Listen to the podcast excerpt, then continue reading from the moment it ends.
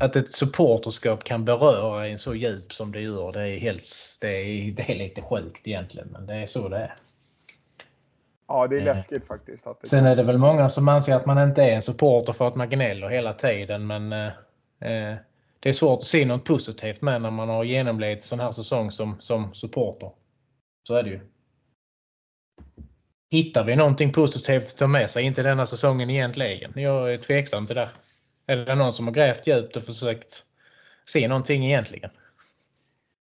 Nej, men det, det man får se som positivt är väl att de lyckas komma samman ändå under Pelle och att Nikita höjer sig ja. i kvalet. Liksom, ja, att ja. De avslutar på ett positivt sätt i alla fall.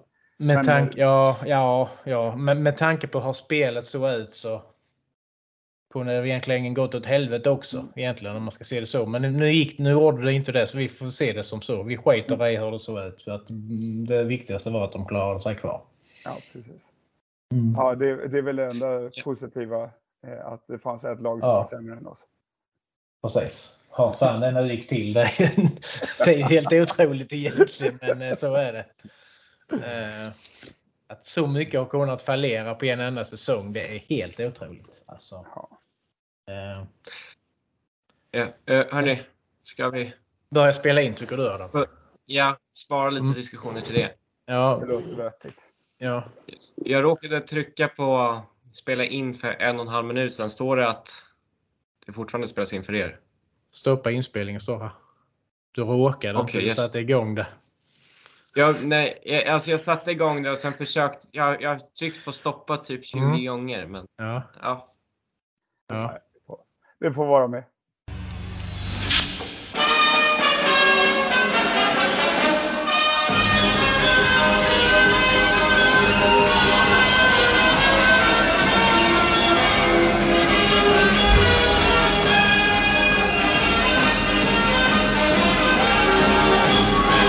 Hej och välkomna till Täljetokarna.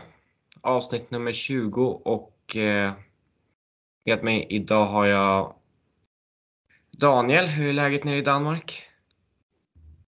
Jo, det är bra här nere. Det har varit soligt idag. Eh, men jag är lite, mer, jag är lite närmare Sydeuropa än vad ni är där uppe i, i, i den delen av Sverige. Så att, eh, jo, det är väl bra. Ångesten har lagt sig nu så att det känner sig lite mer avslappnad. Nu efter helvetessäsongen har tagit slut. Ja, och Joel, hur är det med dig? Förstod du allt han sa? jo, nej, men jag tycker att han pratar relativt tydligt ändå för att vara en sån där halvdansk. Eh, med mig är det alla tiders. Jag menar, SSK har klarat sig kvar och Djurgården har åkt ut. Jag menar, så mycket bättre än så kan det ju knappast bli. Eh, det, nej, det, det, är som sagt det är riktigt fint med mig. Hur är det med dig Adam? Det börjar lägga sig, jag börjar fatta vad som hände. Jag har varit, jag har varit lättad men jag har inte förstått att det är över. Utan eh, det var ju, näst, det var ju nästan som att man trodde att man hade drömt på torsdagen. Men förresten, hann du till Hovet? Nej, jag gjorde ju inte det. Jag hade ju drömmen om att, eh, ja, konstigt nog, att Djurgården skulle vinna match nummer eh, fyra där så att vi, man fick åka till Hovet och se dem förnedrats där nere och eh, det hade varit roligare. Men eh, nu, ja, det är ju dumt att klaga nu när det gick som man trots allt ville. Men det hade varit kul att få stå där i någon SSK-tröja och eh, applådera när Djurgården åkte ut. Det hade varit riktigt fint. Men eh, nej, det, det, fick jag inte uppleva. Men får hoppas att man får uppleva eh, framgångar där i, i höst istället. Är det så att eh, skadeglädjen är den enda sanna glädjen? När vi inte har haft något sportsligt och själva glädjas åt så får vi väl gotta oss i andras misslyckande istället. Eh, blir det pricken över i för denna säsongen kanske? Jo, men visst är det så. Vi eh, nu eh, i, eh, ja, igår i lördags så var vi ute och firade, eller ja, firade säsongen, att vi klarade oss kvar eller vad man ska kalla det. Och jag vet att det var väldigt många som var tveksamma till att komma dit och fira den här säsongen i och med att det har sett ut som det gjort. Men eh, då, eh, det var otroligt många som blev mer taggade när Djurgården åkte ut samma kväll. eh, att komma ut och fira. Så ja, det ligger nog någonting i det. det är, mm, ja, jo. Kanske det som firade kanske det mer än själva säkrat kontrakt. Vissa i alla fall kanske. Precis. Men hur känner ni kring att AIK och Djurgården är i samma serie? Blir ni taggade? Ja, alltså det blir ju... Eh, kommer ju till att bli bra stämning. Eh, roliga matcher. Helt klart med inramning och, och så vidare. I den aspekten så kan jag väl bara hoppas att SSK kan höja sig snabbt till nästa säsong så att vi kan ta lite poäng också i de här matcherna. Så blir det ännu roligare. Ja, jag är ruggigt taggad i alla fall. Det ska bli kanonkul tycker jag. Just, jag var inne och kikade idag och om Wikipedia, jag vet att det inte är världens bästa sida att eh, hänvisa till, men om den stämmer så är det väl tio år sedan som vi, säsongen när vi åkte ut, då var SSK, Djurgården och AIK senast i samma serie. Eh, sen så har vi haft både Gnaget och Djurgården nere i allsvenskan, men de eh, bytte ju plats där. När eh, Gnaget gick upp, det var ju då Djurgården åkte ut och när Djurgården gick upp, då åkte AIK ut. Så eh, det ska bli ruggigt kul att eh, ha båda. Eh, och framförallt så, jag ser fram emot våra matcher, eh, självklart. Men jag ser väldigt mycket fram emot Djurgården-AIK-matchen också. Det, de, derbyn är alltid häftiga, så det, det blir kul. Ja, absolut. Det... Vilket av de lagen känner ni mest rivalitet med? Jag skulle nog vilja säga AIK för min del. Eh, jag vet inte. Djurgården har aldrig berört mig så mycket som, som AIK. Det blir... Nu, nu har jag sig inte SSK och Djurgården spelat i några år i samma serie men det blir en annan hets, hets när AIK och eh, SSK möts tycker jag i alla fall. Men, eh, eh nu har ni varit, nu har ju Joel varit på plats kanske och sett Djurgården och SSK mer än vad jag har varit så att eh, du, har, du har kanske en annan känsla där Joel i, i det här fallet. Nej, jag håller med dig, men jag tror att det bygger mycket på som du säger att eh, vi inte mött Djurgården så många gånger de, eh, det senaste decenniet. Eh, eh så eh, nej, nej, jag håller med. Och jag tycker att AIK är, eh, generellt, det är äckligare människor om man får säga så. Jag vet inte. Det är, det är kanske dumt att generalisera så, men eh, nej, jag, jag, jag, vet, jag, vet, inte. Jag håller Gnaget värre än Djurgården. Eh, jag vet inte om jag svär i kyrkan nu, men jag skulle nog säga att jag håller i alla fall Linköping värre än Djurgården. Och jag kanske, det är, det är nog hugget som stucket, men kanske håller Leksand före Djurgården också. Jag vet inte. Djurgården och Leksand är nog en delad tredje plats i någon slags hattrapp där. Ja, Linköping kan jag ju hålla med om definitivt. Eh, även om man kanske inte funderar så mycket på det just nu när de inte ligger i samma serie. Men där har ju varit så många rivalmöten i kvalserie genom åren och mycket hat bland fansen. Så att eh, jo, jag köper det resonemanget jag också. Men en sak med Djurgården är att de känns lite mer genuint hockeyintresserade än AIK. Eh, min lite bild av AIK-supportrarna är att de som verkligen går på hockey, de hatar oss men eh, de som kanske bara dyker upp när de har gratis match mot oss kanske inte ser så mycket större skillnad på att möta oss jämfört med något annat allsvenskt lag. Nej, det kan mycket väl vara så. Inte funderat så mycket på det här, men det är klart man brukar väl höra ibland vissa säger eller skriver att eh, nu har fotbollsklacken varit igen och kollat på hockey och hejat fram AIK. Liksom. Så att, eh, ja. Ja, Men det blir Adam, bättre. Förlåt.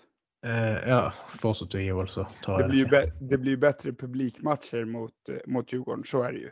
Det är ju både intresset av att komma ner till Scanarinken för deras del, men också på Hovet. Så eh, det, det brukar ju vara roligare att eh, att möta Djurgården ut i, utav den aspekten. I alla fall. Ja, men du Adam, eh, tycker du har trillat in en hel del tankar och frågor på Twitter här idag. Eh, jag tänkte, ska vi försöka beta av dem lite grann eller du vill vi ska köra vidare med någonting annat först, tänker du? Um, ja, nu Nu blev det lite Djurgården här, men jag Mm. tänkte att vi, min ursprungliga tanke var att egentligen bara inleda med onsdagen. Eh, vi kan, jag kan formulera. Hur har ni mått under playout-serien och hur kändes det när Gustav Willman Borvik avgjorde? Eh, Jag skulle vilja säga att ja, under playoff-serien så hade jag väl kommit till den punkten att jag var så jävla förberedd på att SSK skulle spela Hockeyettan nästa säsong så att jag hade kommit så långt mentalt att jag orkade liksom inte bli upprörd längre så sett. Utan med tanke på hur hela säsongen har varit så var det väl inget otroligt scenario att det skulle ske. Eh, men ser man match 6 i Ljungby så kollade jag inte på matchen. Utan jag loggade in då och då och kollade resultatet och sen kikade jag in lite på LTs live-rapportering. Det var vad jag gjorde. Sen när han skrev att eh, Bovek Bovik avgjorde så skrek jag ju här för mig själv. Eh, katten har väl inte hämtat sig här nu men det är ju en annan historia. Va? Men, eh, och då eh, var jag ju lite sådär kaxig och gick in och kollade lite eh, höjdpunkter i efterhand och sådär liksom. Hur det hade sett ut under matchens gång och sådär. Men eh, så var det för min del. Ja, för, för min del, det, det här har nog varit de hemskaste veckorna på otroligt länge. Eh, jag bestämde ju mig att jag skulle åka och kolla på alla matcherna, eh, både nere i Ljungby och i Södertälje. Eh, så det, eh, det, det var väldigt många resor till Ljungby. Jag var ju även där med dig Adam, den sista grundseriematchen där. Och eh, när hemresorna därifrån, de var re- relativt trevliga när vi hade vunnit. Men jag tänker den, eh, när de kvitterade när det var två sekunder kvar. Alltså det, den hem, hemresan därifrån, det var nog det hemskaste jag varit med om tror jag. Eh, så eh, nej, men det är otroligt skönt att det är över nu, att det gick vägen. För att då kan man börja sova ordentligt igen och eh, ja, vara trevlig mot folk igen känns det som. Eh, ja, eh, så är det väl. Eh, Man kan väl titta fram över gatan lite grann i alla fall. Eh, Bara säga att ja, ja, eh, nu skiter vi i den här säsongen, den är nerlagd liksom. Till alla besserwissrar som ska tycka det är roligt att prata hockey. Men eh, ja, som sagt var, vi lägger det till handlingarna. Hur har, hur har du upplevt det då Adam? Ehm, om, jag, om- jag tänker på när det blev ett faktum när du och jag åkte till Ljungby. Så alltså, det var ju du, jag och Wikström. Och vi alla tre var, sa ju att vi skulle inte bli besvikna. Men, men, det blir, men det blev man ändå och jag tror det var... Där, där någonstans insåg jag att om det här kommer ta på mig så är det ett helvete att vänta. Men eh, ja. Det, det, här, det kommer låta konstigt, men det, det, det som gjorde mig mest. Det, var- det, match två tyckte jag var hemsk att se. Jag vet att vi vann, men då. Eh, den där 2-0-ledningen kändes inte alls Och jag var så jä... Eh, när vi satt i den där minibussen till... Och jag kunde bara... Jag tänkte bara att man är helt jävla efterbliven och...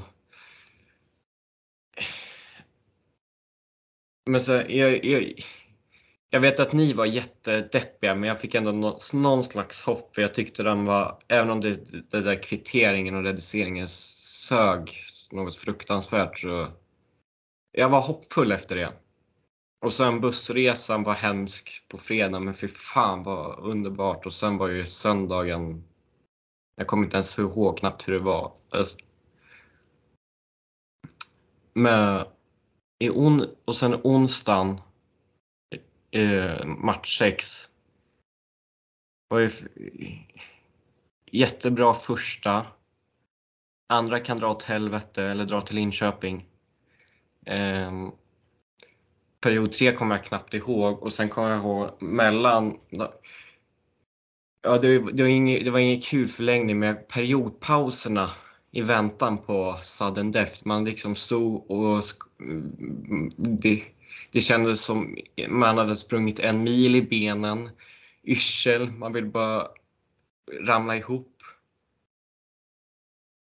Och sen, eh, jag skrev ju på Twitter att eh, jag ska ha tre barn. Oavsett om det är eh, tjejer eller killar ska de heta Gustav, Willman och Borvik. Han gick in och likade den tweeten förresten. Eh, det kanske säger en del om hur glad jag blev. Jag, fan, det var den bästa hemresan någonsin. Eh, och sen har jag fått, jag kommer inte ihåg det, men tydligen har jag fått, enligt min pappa kom jag hem klockan tre och sjöng något om Vilman Borvik. ja, så eh, det har varit två veckor med fruktansvärd ångest, men ja,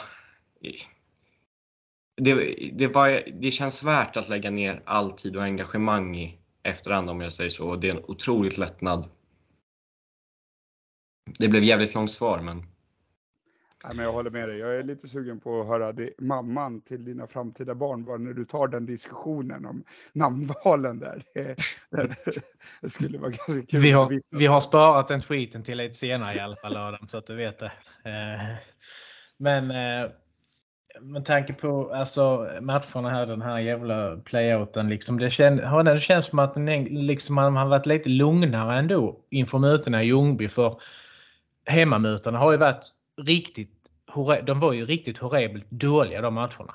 De var riktigt, riktigt dåligt spelmässigt eh, de matcherna som SSK hade hemma i Scaniarinken. Mm. Uh, Två, tre i alla fall. Ja.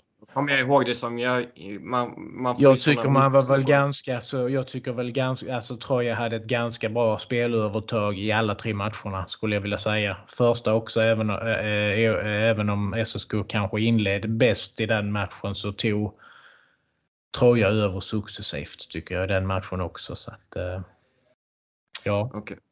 Ja, nej, jag kommer ihåg det som att vi spelade dåligt i mm. första mm. men den var ändå relativt jämn och mm. sen var de andra två var vi helt utspelade. Eh, SSKs dumphockey passar väl bättre på bortaplan där hemmalaget ska förväntas föra matchbilden kanske. Jag vet inte. Men nu förde ju eh, bortalaget eh, matchbilden i Scaniarinken också så att jag vet inte riktigt. Eh. Mm. Det gick vägen. Hör man den summera det så, så är det horribel jävla säsong överhuvudtaget. Så det, man kan analysera och vända och vrida hur man vill. Men man kommer alltid fram till slutsatsen att det finns förbättringspotential om man säger så. Innan jag låter dig prata Joel. Eh, jag vill bara svara på din fråga och säga att skilsmässa är alltid ett alternativ. ja, okej okay då. ja, nej. Eh, vi, vi, vad, vad var vi inne på? Förlåt. Alltså du är ju med här på egen risk Joel. Det trodde jag du hade förstått nu vid det här laget. jo då, det, det, det, är jag fullt medveten om. Eh, men eh, om, vi, om vi pratar, alltså, jag tror att jag nämnde det förra, eller förra gången jag var med i podden, att, eh, att prata om hur spelet ser ut och allting sådär, det är jag nog Scaniarinkens sämsta person på att göra i och med att när man står på den där pallen så du missar ju halva matchen i och med att du har ryggen mot och eh, när du bara får se ja, men, delar av den så att säga, eh, då blir det ganska svårt att eh, få en bild av hur spelet ser ut och sådär. Eh, det var väl kanske det som jag uppskattade mest med coronapandemin, att när man faktiskt fick se lite matcher på tv så att säga, för då fick man se laget eller, eller vad man ska kalla det. Eh, men eh, för att återkoppla till den där onsdagen som du pratade om för en liten stund sedan där nere. Jag tycker i övertiden när vi mötte eh, Troja där, alltså det gick inte att andas när de hade pucken i våran zon. Man bara stod och spände hela kroppen och bara och sen så tycker jag att det blev så talande när eh, Gustav gör eh, 2-1 målet där. Eh, och spelarna kommer fram och man ser i deras ansiktsuttryck att ja, men att de bara skriker ut sin ångest och det är bara så mycket som släpper för dem. Det var så otroligt härligt att se ja, men, hur, hur kanske inte, alltså, alltså att, härligt att de har mått dåligt, men ändå att det släpper för dem. Liksom att nu, nu, nu äntligen så kan de börja må bra igen. Och jag tror att vi alla som bevittnade den matchen, som du sa Daniel, att du gick och skrek hemma. Liksom. Jag, tror, jag tror att alla ssk kan sätta in sig i den känslan, liksom, att det var så eh, eh, ja, men otroligt skönt när bara den där pucken ramlar in. Och om man kollar på den, alltså eh, det där målet. Eh, jag, jag var tvungen att kolla på målet i bilen efteråt för jag fick en sån en blackout. Jag hade ingen aning om hur det såg ut. Jag visste knappt vem, vem det var som gjorde målet. Eh, men och när man kollar på det efteråt så det är ju, alltså, borde han inte ta den egentligen, finnen? Jo, det skiter vi i. Ja. Eh, man tänkte liksom, ja, Albert var något stolpskott ifrån också och avgöra väldigt sent i tredje perioden så tänker man att när sådana missade läge liksom, det här kommer att gå åt helvete idag igen liksom. Och man hade redan förberett sig på det där att jag nu gör Troja för, eller mål snabbt i fjärde perioden och så vidare. Eh, så att, eh, men jag tänker väl liksom samma för er som var på plats. Liksom. Det måste ju vara som att någon sticker hål på en ballong när Wilman Borg kan avgöra. Liksom, att allting bara... Luften går ur alla på något vis. Liksom. Eh, den här anspänningen som du sa Joel, liksom, du bara står helt still som en pinne och liksom helt still i kroppen. och Luften liksom bara pöjsar ut i slutet. Att ni bara all den här liksom två ton tegelstenar som ligger på axlarna liksom bara ras, trillar av och ja, jag vet inte hur jag, jag ska förklara det men jag kan tänka mig att det är ännu jävligare för er att vara på plats än för mig att vara här hemma på något vis. Eh, som ändå har valt att inte titta på det. Jo, men Där är ju ni ju jävligt, väldigt modiga som åker ner och kollar på det liksom. Eh, Lidelse. Ja, jag vet inte eh, om eh, folk har koll på hur bortastå ser ut i Ljungby, men runt om så finns det ju ett eh, rött järnstaket som är, skulle gissa 1,50 högt kanske eller sådär. Och alltså det, det är ju ganska robust och stabilt ändå. Men när han gjorde det där 2-1 målet, jag var övertygad om att det skulle rasa för att det bara for fram och tillbaka för att folk, ja men det firades så, eh, så mycket. Då. Eh, och jag vet inte riktigt om det är genuin glädje vi kände eller om det bara mestadels lättnad. Men är en otrolig känsla var det i alla fall. Och jag, vi sa det i bilen när vi åkte hem att det är ju faktiskt sådana här grejer man lever för som att få vara support, alltså att vara supporter. De här endorfinkickarna man får när någonting faktiskt går vägen. Och det känns som att det var otroligt länge sedan man fick bli så glad. Det var väl kanske när vi gick upp från ettan, liksom, när man kunde fira på riktigt. Eh, I alla fall för min del. Så vi konstaterade det i bilen hemma, att det var knappt någon som kunde sitta still, utan alla var lite så, ja, men, hoppade och dansade och bara ja, men, mådde kanonbra just så. Jag skulle precis komma till det, här var hemresan? Men det har du väl beskrivit lite nu att eh, eh och som du också Eh, tillägga det här med som du sa, eh, och följa det här och liksom som supporter och, och, och, leva i det här, den här bubblan, liksom resa mellan himmel och helvete som det verkligen är. Speciellt känns det som när man är SSK så är det verkligen speciellt mest resa till helvetet egentligen men eh, eh det är ju många som tycker man överdriver såklart, men eh, det är som jag brukar säga ibland en del, eh, man, någon support gnäller på sitt lag att de förlorar en match så brukar man tänka på för helvete pröva vara SSK en vecka så ska ni få se vilket helvete det är att vara supporter liksom. Men eh, sen överdriver man väl såklart det också. Men, eh, ja, ja, så är det. Jag vet inte om jag tycker att du överdriver. Det är ju få få klubbar som faktiskt ja, men, går igenom så pass mycket tunga saker som vi gör. Om man kollar på ja, men, eh, degraderingar till både ettan och till Hockeyallsvenskan och sådär. Eh, och så få framgångar ändå.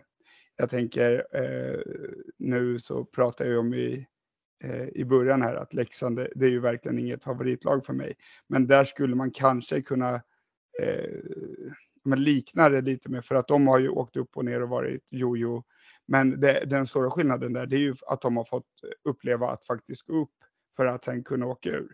Så det blir ju, de, de vi får ju knappt några framgångar att glädjas över. Eh, ja, som sagt, det var ju senast när vi gick upp från ettan då, men dessförinnan så är det ju inte jättemycket eh, framgångar att glädjas.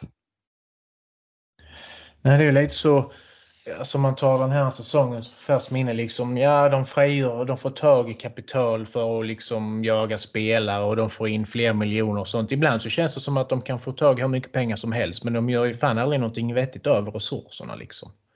Det är där man inte riktigt fattar vad, vad är det som händer egentligen. Eh, mm. Eh, man tycker liksom att en enda säsong så skulle man kunna få visst Fyra blev de för förra säsongen men då var det ju också lite NHL-doping och så vidare som fick få fart på den säsongen också.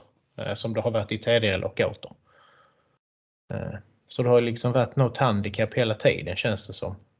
Eh, men vi gör väl inte upp. Mm. Nej.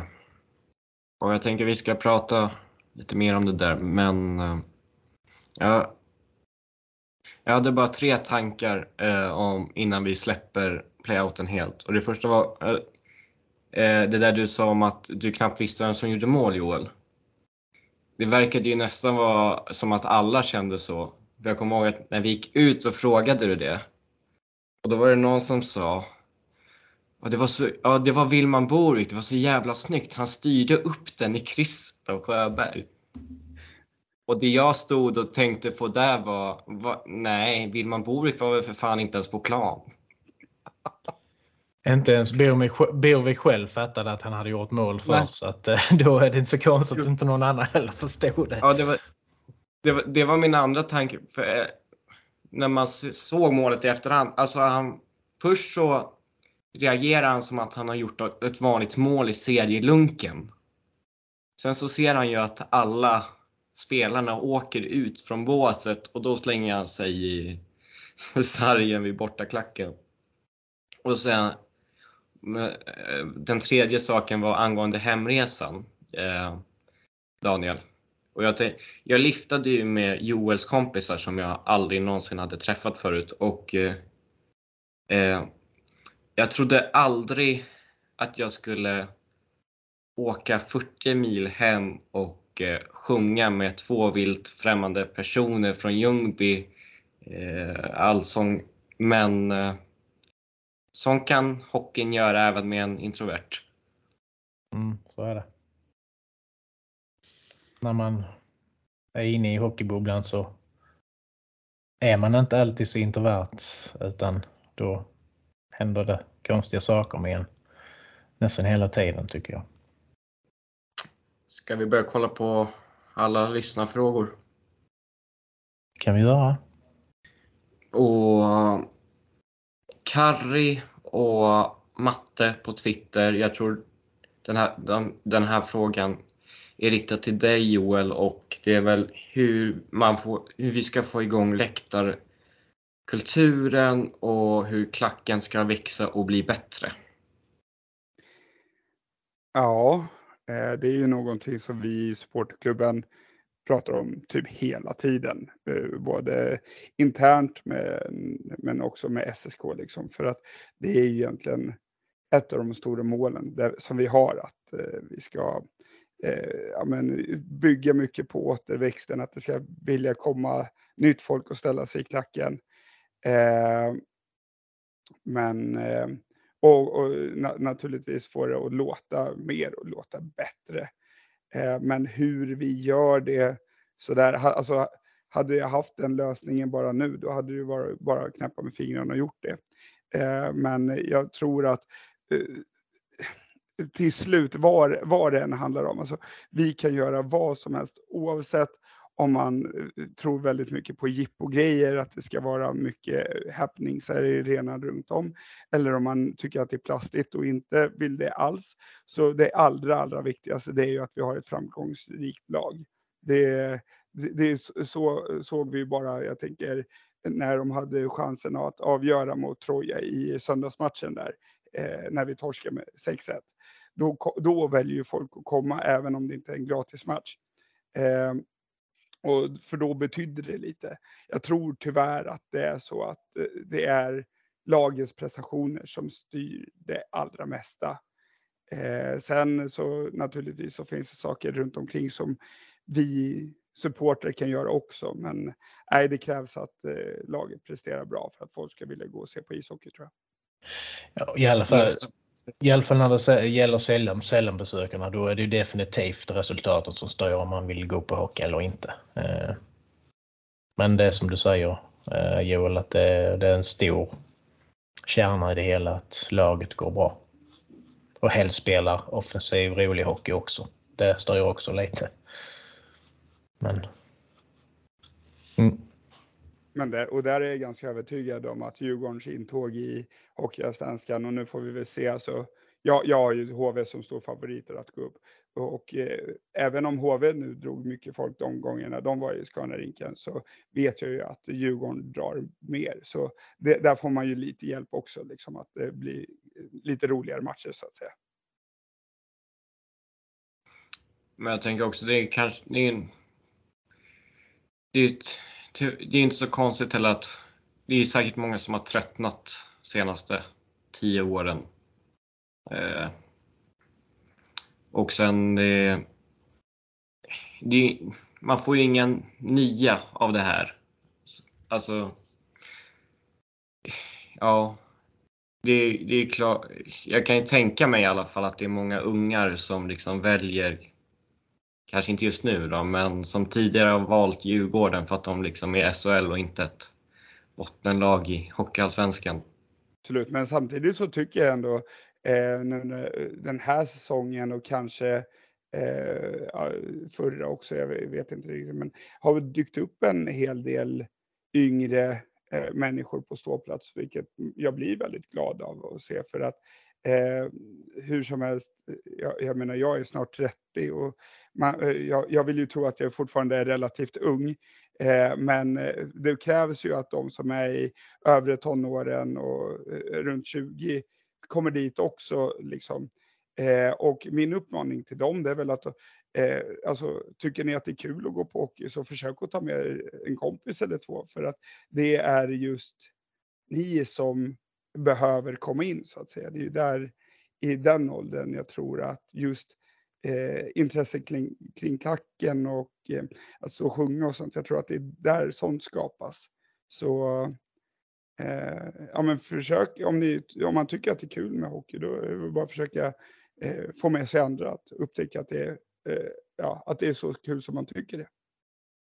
Ja, jag tänker li lite att om SSK skulle kunna vara någonting som Södertälje som stad kan stoltsera med igen så kanske det kan bli en lite mer snackis vilket per automatik skulle dra nytt folk. För jag tror att vi har ganska många eh, tonåringar i den här staden och ännu yngre som inte är intresserade och som aldrig har gett en chans överhuvudtaget.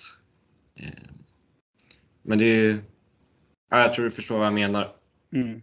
Absolut. Sen tror jag faktiskt, det vet jag att det är många, jag tror inte att det kanske just för klacken är viktigt, men jag ser gärna att SSK tar in, in en finne, för det har man ofta, eh, ja, men den finska befolkningen i Södertälje, eller fin, eh, eh som har urs, eh, ursprunget ur Finland i alla fall. Eh, alltså, jag går runt och muttrar om att det finns ju ingen finne som man kan heja på. Eller sådär. Eh, och jag, vad jag upplever när man pratar med dem så är det ganska stor och viktig grej. Och jag tänker, nu var det väl något eller några år sedan som vi hade en finne i truppen, men Eh, bara en sån sak kanske kan att eh, de, de, känner sig lite mer, ja, men, eh, jag, jag vet inte, eh, representerade eller vad man ska säga. Ja, alltså vad har hänt där? Eh, det finns ju en stor bra tradition av finska spelare i SSK genom, genom åren som har varit liksom riktigt bra. Eh, för att ta nu avsnitt 20 så kommer jag till att tänka på en spelare som Petri Päkkäslahti till exempel. Eh, riktigt bra tvåvägsspelare liksom. Eh, det borde ju finnas det borde ju finnas bra finländska spelare att ta hit även om SSK ligger i Hockeyallsvenskan som man liksom har råd att värva. Jag, jag förstår inte riktigt varför man har slutat med att försöka knyta till sig finska spelare om jag ska vara riktigt ärlig. Med tanke på att det är en bra tradition i Södertälje med finska spelare. Det blir väl ganska intressant att se nu, jag tänker eh, med kriget i Ukraina och KHLs eh, eh, hur KHL kommer se ut nästa säsong eh, så tänker jag att det kanske är många KHL-spelare som väljer att ta plats i Finland och puttar undan några finnar där som kanske söker sig till Hockeyallsvenskan. Det vet man ju inte, men eh, där kanske skulle kunna finnas en öppning. Eh, Kari hade två frågor till som jag tror är riktade till dig. Roligaste bortaresan 21-22, bästa läktarprestationen 21-22? Ja, men den tänker jag, den kan vi väl svara på alla tre. Jag kan börja absolut, men eh, roligaste bortaresan det är ju den sista, sista matchen i Ljungby, så som den eh, blev. Men det är också den jobbigaste bortaresan. Ehm, jag gick eh, runt eh, på tisdagen var jag övertygad om att jag inte ville åka. Men eh, då sa min flickvän till mig, men hallå, du sa ju att du skulle åka på alla och du kan ju inte skippa nu när de faktiskt kan klara det. Så då, då åkte jag eh, ner.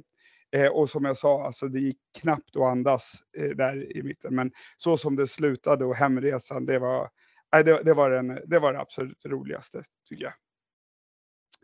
Eh, sen bästa, bästa eh, läktarprestationen får jag nog säga i match 1 nu i eh, kvalet mot Troja tyckte jag period 1 och period 3 där var helt fantastiska. Jag tycker att eh, även om vi inte var så himla många så eh, tycker jag att trycket som blev var otroligt, otroligt bra. Eh, det märktes verkligen att eh, alla som var där var där för att sluta upp och sjunga fram laget. Ehm, och då var det, det var eh, om man kan säga så, så var det väl rätt personer eh, inom citationstecken eh, som var där, liksom någon som vet hur man eh, ja, men skapar liv. Så det, det är nog mina topp två. Vad skulle ni säga, vilken är bästa borta, bortaresan? Om man räknar de här korta så har jag bara varit i Ljungby, Mora och Kristianstad. Och att Ljungby är den absolut bästa rent sportsligt, det, det är väl ohot. Men för att säga ett annat svar så tar jag Kristianstad. Eh, det, var, det kändes lite som att man blir behandlad som en huligan när de stoppar in en i ett nät och eh, man, det, är, det är två skyltar om att man inte får gå nära sargen. Eh, men dels har jag mina kompisar där och sen var det ja, väldigt trevlig personal och så spelade SSK en av sina bättre matcher även om en av Daniels släktingar var i målet. Var det då, var det då han eh, spikade igen helt ja. Kikom, eller? Ja. Um, ja um, jag vet inte, jag kan inte kanske ta bortaresor här hemma vid mig för det är ju nästan mer hemmaplan men då skulle jag vilja säga AIK och Scaniarinken, det, det är ju en hemmamatch men det blir lite som en bortaresa för mig så jag tänker välja den både inramningsmässigt och eh, eh, bortaresa så att säga. Eh, fick uppleva en vinst. Ganska bra tryck i, på läktaren även om du och eh, Robin heter han väl vad inte tyckte ni kunde riktigt höra vad klacken sjöng så men det är ju en annan historia men eh, det är väl det, det jag får väl säga den då, den matchen där. Eh, hyfsat bra prestation av, av laget också. Eh, var det lördagsmatchen när vi vann med 3-1? Ja, precis. Ja. Mm. ja. Jag har väl inte varit på många, jättemånga matcher live, men jag har faktiskt sett två vinster med de matcherna jag sett live i år. Liksom. Jag vet inte riktigt hur många som kan toppa det egentligen. Men eh, ja, Så är det. Med tanke på att det inte har varit så många vinster i år så har jag ändå lyckats se två, borta, se två vinster live denna säsongen. Tingsryd 5-1 och AIK, hem, eh, AIK i Scanarinken 3-1. Men ja. Så det är, det är väl vad jag får säga. Hemma, hemmamatch som blir en bortaresa för mig egentligen. Ja. Så är det. Men det, Det får bli mitt svar. Ja. Mm. Det, att den matchen tyckte jag var så rolig eftersom jag stod bredvid dig. Det, det lät så tydligt att det var en skåning i klacken. Inte konstigt kanske för att det var en skåning i klacken. Två var det till och med. Så att, eh, Ja, med bästa läktarprestation. Um, men jag tycker ändå det har varit ganska många matcher där det har varit bra tryck sett till publiksiffran, speciellt när vi tog poäng i början på säsongen. Det, var, det känns som det var ungefär lika mycket folk då som sen.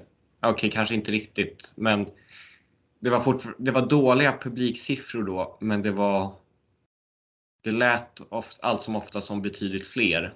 Eh, och, men ja, playout match 1 var väldigt bra tryck. Playout match 2 var magisk i tredje perioden. Men jag tror eh, AIK-matchen var också, kommer jag ihåg, som bra. Jag tror när vi vann mot Björklöven Ja, nu tänker jag högt väldigt mycket. Men jag tror ändå att om jag bara ser till tryck och inramning så är det nog Modo när det var drygt 5000. Eh, sen kanske inte är det den matchen jag kommer komma ihåg eller bry mig speciellt mycket om men ja, taket lyfte verkligen när Dragan gjorde 2-2 och nej, jag tror den är en ganska överlägsen etta sett till inramning måste nämna en annan eh, bortamatch som absolut inte var eh, den roligaste kanske, men mest udda. Det var ju när eh, Gnaget hade sitt 100-årsjubileum där på, på Hovet och att eh, egentligen så skulle vi ju i SSK-klacken få tilldelade biljetter. Det var under restriktionerna i höstas någon gång. Eh, men det blev ju så att SSK inte fick några biljetter till slut. Men då hade min kompis köpt eh, eh, biljetter via AIKs hemsida. Då, då. Så lyckades jag dela till mig en av dem. Så då var vi, ja, säg att det var, jag, jag vet inte exakt, men x antal tusen aik på Hovet. Och så kanske vi var fem eller sex ssk totalt. Så det var lite, vi torskade den matchen eh, tyvärr. Men eh, det, det, det, var, det var väldigt speciellt. Man har aldrig känt sig så, eh, ja, men, eh, inte liten kanske, men så eh, undertalig, eller vad man, ska, vad, man, vad man ska säga. Det var en ganska häftig upplevelse ändå. det var väl de två matcherna i mellandagarna. Va? Hovet på torsdagen och Scaniarinken på fredagen. Var, Just var det. väl va? Ja, precis. Plus 4-3 och 0-3 hemma. Jag var Just på den matchen också. Hemmamatchen där och den var väl inte lika rolig att se kanske. Men eh, ja. Just det, det var stämde det, det året. Ni skulle, det skulle vara klackbiljetter där och sen så blev det ingenting. På grund av att, nej. Och så när eh, Hovet helt tyst för att, nå- jag tror att Ryan gjorde mål i den matchen också. Eh, och sen är vi fem pers som lite utspritt ställer oss upp och jublar. Det var, ja, det var, det var, det var spännande. Det var lite annorlunda. Ja, Då satt jag med eh, Misslören och eh, Isak och någon till på eh, Ritz i Södertälje och kollade på den matchen. Det var lite svordomar här och var, kommer jag ihåg, den kvällen. Men eh, ja, Eh, två frågor till från Matte som är till dig Joel tror jag. Eh, den ena är, finns det en dialog för en supporterbar utanför K och stå?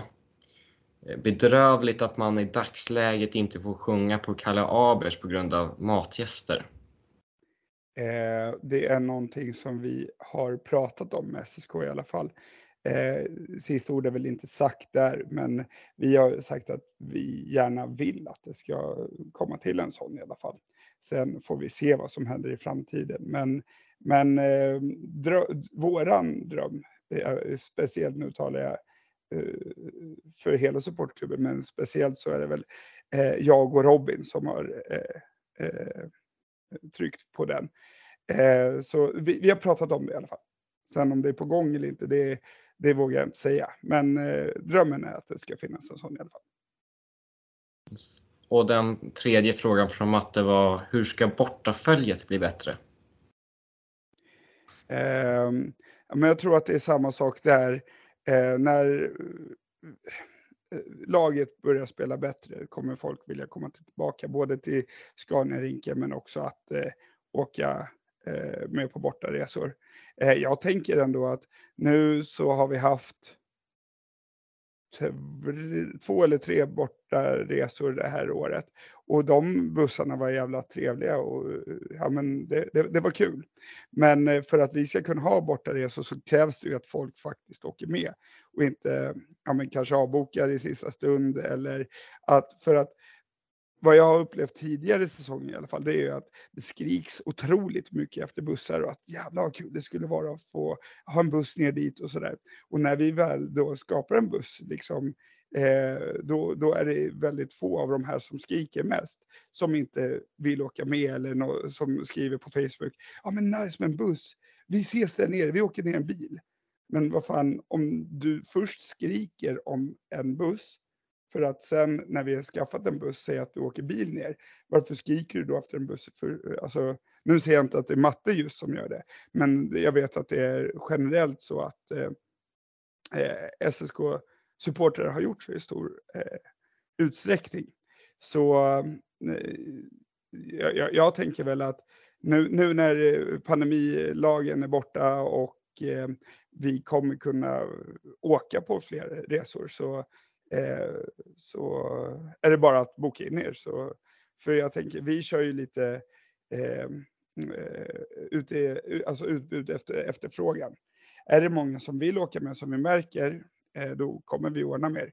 Men eh, om det är relativt dött, som eh, ja, framförallt den sport, sportsliga delen det här året har gjort tror jag, eh, eh, som inte vill åka med, då, då blir det svårt att ordna bussar såklart. Eh, men eh, som sagt, vi hade ju en till Västerås, vi hade en till Norrköping och vi hade en till Ljungby. Det är väl de tre som jag kan komma ihåg just nu i alla fall. Och det var riktigt trevligt att åka dit och jag ser gärna att det blir flera resor redan i höst. En till Vita Hästen, eller Norrköping var det också. Mm, precis. Du kanske sa det, men... Mm. Okay. Det sa han Adam. Ja, det är bara jag som är död. Du är yngst av oss, så du är den som hör mest illa av oss tror jag. Jag vet inte riktigt hur detta ska sluta. Um, ja. Men en fråga jag har till dig Joel. Eh, ni tog ju en paus i supporterklubben. Mm. Var innan nyår va? Ja, precis. I november. Oktober, november tror jag. Eller om det ja. var december, där, där omkring i alla fall. Jag, jag undrar lite hur, hur det har varit efter pausen och om det är någon förbättring? Jo, nej men alltså vi eh, tog ju eh, pausen för att vi ansåg att inte våran kommunikation med SSK var så pass bra som vi ville ha den. Typ. Och jag upplever att efter eh, pausen så har det blivit betydligt bättre. Eh, nu så eh, kör vi eh, möten Eh, en gång i månaden. Eh, och vi har en, eh, ett snack med anställda uppe på plan två som man brukar säga, även ut, utanför de mötena också. Så jag tycker att det har blivit otroligt mycket bättre sen, sen vi hade den pausen. Vilka frågor är det som är mest aktuella just nu med klubben? Eh, ja, nu så blir det ju naturligtvis, vi har inte hunnit haft något möte eh, sen efter säsongen tog slut, så det är väl, eh, det är ju svårt att prata, eh, säga vad vi ska prata om nu, men jag vet att eh, säsongskorten och lite hur vi ska tänka kring dem kommer vi diskutera på nästa möte bland annat. Eh, och, eh, så, och lite hur, hur vi lägger upp det för nästa säsong liksom och sådär. Men eh, det senaste mötet vi hade, det var, handlade egentligen bara om eh, om playouten då, hur vi kunde lägga upp eh, eh, lägga upp för att försöka få hit så mycket supportrar som möjligt och eh, ja, men göra situationen så bra som möjligt utifrån eh, eh omständigheterna. Liksom. Eh, så det, det, är lite, ja, men, det är lite blandade saker. Jag tycker att de kommer med bra och relevanta frågor som det, det faktiskt känns som att de lyssnar på. Vilket eh, kanske inte var fallet innan, eller hur jag ska uttrycka mig. Och det är väl det som jag tycker har blivit mycket bättre nu sen efter pausen. Förbättringspunkter gissar jag att det alltid finns, men eh, finns det något du, kan, du, känner, du känner du kan säga i podden nu skulle kunna vara lite bättre i er relation? Uh, nej, men alltså som det är nu så jag, jag är faktiskt ganska nöjd. Jag vet inte, nu pratar jag ju bara personligen, jag vet inte hur de andra i styrelsen uppfattar det. Men eh, jag är eh, som sagt relativt nöjd med hur eh, supporterklubben och klubbens eh, relation har blivit just nu i alla fall. Det känns som att vi kan prata med varandra och lyfta saker som, eh, ja, som, som både är bra och dåliga. Liksom. Eh, så just nu, just nu så vet jag inte riktigt om jag skulle vilja förändra så himla mycket faktiskt. Men jag tror att kanske om du skulle fråga Robin eller Mikaela eller Johan eller Dennis, Kari eller Niklas eller sådär. Att de har säkert en annan bild av det. Men äh, för, min, för min egen personliga del så är jag relativt nöjd just nu. Var det flera frågor? Adam? Ganska många fler. Ja, jag tänkte det med. Um, det är två lite mer om det här kultur och arrangemang, så vi kan ta dem. Eh, två från Dennis här. Den, den första är, vilken logga bör SSK ha? S1 eller kransen? Jag, jag tycker att det ska vara som den här säsongen kanske. Eh, det enda jag stör mig på den här, det är att de hade loggan uppe vid halsen.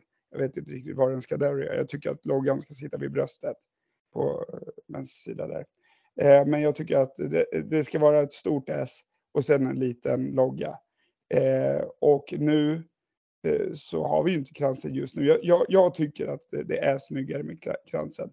Men eh, nej, eh, som sagt ett stort S på magen och en liten logga. Gärna med krans på, på bröstet. Har du samma åsikt Daniel? Eh, jag i alla fall att eh, kransen ska vara. Eh, det tycker jag. Eh, det har varit så från början och det är ju faktiskt inte för att vara partisk, men det är ju väldigt stelrent klubbmärke överlag. Alltså eh, tassen och så kransen på det. Väldigt, väldigt vackert och fint klubbemblem om man jämför med andra klubbar som men, men cancern absolut. Och sen, ja, S ska väl finnas med där någonting, men då kanske jag hellre väljer att ha själva emblemet och kransen lite mer, mer betydligt än vad, vad S är så att säga. Eh, det är SSK för mig. Vad är din åsikt Adam? Eh, jag, jag, jag gillar S1 för att rent historiskt var det så från första början. Sen fanns ingen av oss då, men ja, jag, jag, jag gillar det. Sen tycker jag att, eh, sen har jag gärna kransen på själva eh, loggan, klubbmärke, för att eh, det känns lite mer unikt och snyggare och jag tycker, även om jag såklart tycker vårt klubbmärke är, det, är den vackraste av dem alla så skulle det bli lite mindre intetsägande om jag säger så med kransen. Kransen, när jag började att följa SSK, eh, då var det liksom kransen som var det, alltså som var det tydliga på, på tröjorna. Så det är det jag har med mig. Så det är väl därför jag resonerar som jag gör, förmodar jag. Det är som du säger Adam. man var väl inte riktigt, man var ju inte med då när S1, när de började med det. Eh, sen vet jag ju också att det historiskt sett så är det ju en del som varmar för s och en del varmar för cancern och, och så vidare. På tal om matchställ, jag vet att det är många som vill ha vita bortaställ. Jag, vet inte, jag tycker inte det, vad tycker ni? Nej, jag, jag, jag, tycker att det är mycket roligare med en färg som sticker ut lite grann. Så jag tycker att de ska behålla gult. Det, det känns som att det gör oss eh, lite mer unika på något sätt. Och eh, eh, jag tycker eh, jag har alltid varit svag för, oavsett om det har varit vita eller eh, gula bortatröjor, så har jag alltid varit lite svag på. När jag har köpt egna matchtröjor så har jag alltid velat haft bortatröjan just. Men eh, nej, jag tycker att eh, den eh, gula versionen som vi haft nu de senaste åren är, är snäppet vassare än de vita föregångarna. Eh, jag känner, ja, en jersey där de vinner matcher i. Mm. Helt enkelt. Så får de vara, höll på att säga vilken färg de vill, men kanske inte riktigt. Men är de vita eller gula och de vinner, vinner de matcher i de vita så får de gärna vara vita. Vinner de fler matcher i de gula så får de gärna vara gula för min del. Det är så jag tänker i dagsläget. Det som jag sagt innan, jag är inte så mycket för det där estetiska egentligen. Utan... Men jag, jag, jag känner lite sidospår, men eh, jag personligen tänker att när man bryr sig så mycket om en förening så att man tänker på vilken nyans av blå S på en tröja är på det gula. Då, eh, det, då känns kärleken väldigt äkta på något vis. Ja, så är det. Ja, då. Nu har jag fått hjärnsläpp, men visst är det bara vi i Hockeyallsvenskan som inte har vita tröjor, borta tröjor? Uh, ja. ja. Ja. Vet, ja, det... det är väl samma sak i SHL också? Ja, så kan det nog vara va? Skellefteå brukar inte de lira i gult ibland, men det kanske är... De, de, har, de, de, de, har bytt till gult, det har de. Ja. Ja, men det är som sagt, jag tycker att det är... Eh, alltså det ska ju vara ljusare färger när det är borta tröjorna. Det, det är ju... det är väl bestämt, tror jag i alla fall. Men nej, jag tycker att det är lite kul att vara lite, lite speciell. Uh, och sen Dennis andra fråga var uh, ta tankar kring introt när spelarna åker ut. Uh, och han skriver om, lite om vi tror att man blir påverkad av det. Jag tror att han menar på att det kanske har varit lite stämningsstödande när man kört först en lång hiphop-video och sen den här Jag har saknat er-videon. Uh, jag kanske känner att det kunde bli bättre. Jag vet vad tänker du Joel? Hur skulle du, uh, om jag bollar tillbaka det, hur skulle det bli bättre? Eh, ja, det är kanske lite kortare. Eh, för just nu är det väldigt långt. Och sen den här, vi har saknat er. Den musiken gör kanske svårt att höras när man sjunger, speciellt om man är få. Och sen eh, är det inget som man taggar till av. Ja, men jag, jag, jag tänker lite så här, för eh, jag läste igenom eh, frågorna idag och visst, visst frågade han om hur vi tror att det påverkar spelarna också? Ja, Ja, det, ja precis. Det var det eh, och jag ja. tänker så här att de här eh, filmerna som vi pratar om nu, eh, det, de spelas ju innan spelarna har kommit ut. Så jag tror att det påverkar nog mer oss på läktaren, mer taggningsgrej än vad det gör för själva spelarna. för spelarna kommer ju, då blir det ju hög musik och sen blir det någon epilepsilampa som jag brukar kalla det, något så här flashande ljus ju. Eh, men jag skulle gärna se att de eh, går tillbaka till Thunderstruck eh, och eh, ja, alltså kanske, jag vet inte riktigt, men eh, lastbilen var ju klassisk, i alla fall när jag var liten, att de åkte igenom. Eh, så, men det är ju till exempel en grej som vi i sportklubben kan lyfta med SSK kring på de här mötena då, så att säga. Men eh, jag har inte reflekterat över det så himla mycket. Jag, jag, jag tyckte att grafiken till de här när alla namnen poppar upp i guld där, eh, den andra videon där. Eh, jag tycker att den var väldigt snygg, kommer jag ihåg när jag såg den första gången, så det var jag väldigt nöjd över. Eh, men, eh, men generellt så kan jag väl säga, det är någonting som jag och Robin har klagat mycket på, det är ju att vi tycker att det spelas alldeles för mycket och hög musik i, när, när klacken väl ska sjunga. Men, eh, och det, det har väl blivit bättre under säsongen. Eh, Eh, men också så, jag, jag, vet inte, jag tror inte att, jag tror att det spelar mer roll för oss som står på läktaren än vad det gör för spelarna. Jag tänker att det kanske inte är så farligt att alla spelares namn kommer upp på skärmen, men eh, med, i kombination med musiken blir det väldigt långt och lite stämningsstödande tycker jag.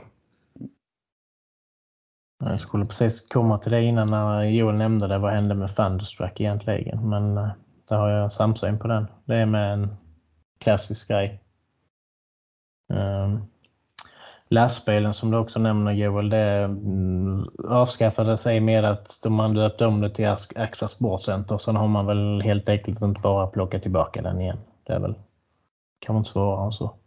Men ni har, ni har aldrig hört några diskussioner eh, med haft några diskussioner med klubben om det här med, med intro och, och hur de ska komma ut och så vidare. Om vi nu tar det här med lastbil och, och eh, musik till intro och sådana grejer. Ja, nej, men det, det, har vi väl eh, haft lite grann. Alltså, vi, vi, det, det känns som att det är en fråga som diskuteras typ hela tiden. Eh, och några i styrelsen brinner mer för det och några i supportgruppens styrelse brinner mindre för det. Eh, men eh, jo då, ja, men det, det, har vi pratat om, men vi har väl inte kommit fram till något jätte, jätte sådär, utan som sagt, Eh, vi, om, vad jag minns, om jag minns rätt, så i början av den här så var vi ganska positivt inställda till eh, de här eh, video, videosarna, videoklippen eh, som har spelats. Men, eh, men eh, jag, jag köper till 100 procent att det kan vara lite stämningsstödande. Det har jag inte eh, tänkt på faktiskt. Samtidigt så är det kanske inte prio ett just nu utan det som är prio just nu det är ju att få ett slagkraftigt lag på till isen till nästa säsong. Det är väl där man ska börja just nu och sen får vi ta allt det här kring arrangemang när väl säsongen börjar närma sig. Kanske. Jag kan väl tillägga att jag tyckte också kanske det var häftigt första gångerna. Men sen kanske tionde gången tänkte man, men håll käften nu. Alltså uh, ja, men jag vet inte. Folk kanske uppskattar lite mer jippo och sånt. Jag, men jag känner, jag vill... Det tog lite bort möjligheten att liksom skapa en bra stämning och sång när spelarna väl kommer ut och in, innan snapsvisan och så, ja. Men, men vi kanske ska gå vidare. Um, och det är många som frågar, eller många, jag tror att två, tre stycken, som har frågat om uh, sportchef, tränare och som vill ha lite silly season. Det, det vi hörde idag Daniel var det att det förväntas både tränare och sportchef nästa vecka och vi spelar in på söndagen så när ni hör det här på måndagen så kan ni förvänta er nyheter under veckan. Man hoppas nästa vecka någon gång så ska eh, träna, tränare och eh, sportchef eh, vara på plats. Hoppas man på vill jag tillägga där då. Ja. Och det, för att översätta så betyder det att det är slutförhandlingar? Ja, typ. Det är väl i, ja, i slut, slutprocessen precis. Och jag skulle gissa... Ja. ja. Nej, annars är det locket på. Eh, man hör inte någonting annars direkt. Just nu. Men jag skulle eh, gissa på att eh, sportchefen är Emil Georgsson. Det jag hörde var... Eh, när åkte vi minibuss, Joel? Det var ju onsdagen match nummer tre när vi torskade där på övertiden.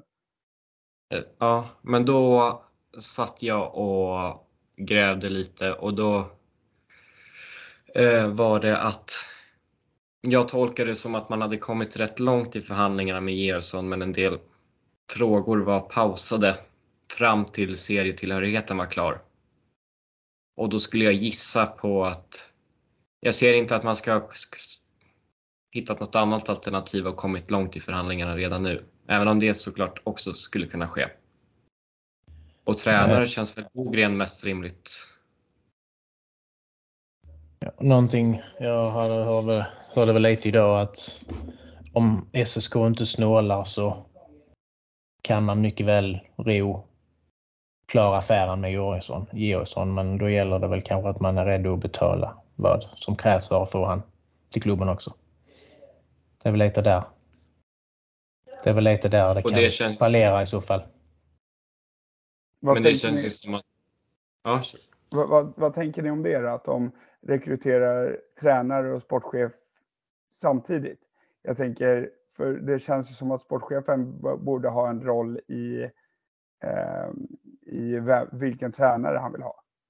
Det är väl precis så vi också har tänkt resonera kring Adam, att det borde vara det mest rimliga. Ja, sen vet man ju inte Eh, alltså, ja, ja, ja det, här, det här är bara min personliga teori, men jag är övertygad om att Eldebrink är den som har tagit fram Bogren. För han har jobbat med honom i Rögle och känner honom. Um, och sen hoppas jag att man inte är så dumma i huvudet och eh, slutförhandlar med honom utan Georgssons villkor. Eh, tyvärr så tror jag ju att det är en sak som SSK skulle kunna göra, men jag tror inte det, det som lugnar ner mig är att jag aldrig tror att Georgsson skulle gå med på det utan då skulle han nog lämna förhandlingsbordet rätt så snabbt. Men det... Ja. Jag tror vem som än blir sportchef så skulle,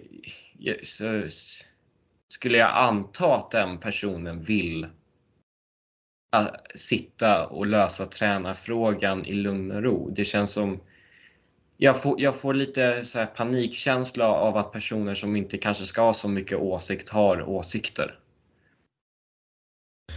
Det är ju lite så att man tillsätter en sportchef och sportchefen, ja det här, det här ser jag att vi ska kunna, det här ser jag att vi ska kunna åstadkomma denna säsongen. Det här spelet ska vi kunna bidra med för att ja, locka mer publik och att det är mer vinstgivande och sådär. Och då vill han ju givetvis värva spelare till spelsystem och så vidare. Den tanken har ju förmodligen sportchefen redan igång så att säga och då är det ju som du säger Adam ganska naturligt att sportchefen får ha ett stort eh, eller mycket att säga till om vad gäller att, träna och sånt. För att ska han bygga laget så ska han givetvis också vara med och välja tränare till spelare och spelsystem. Det, så borde det fungera i alla fall.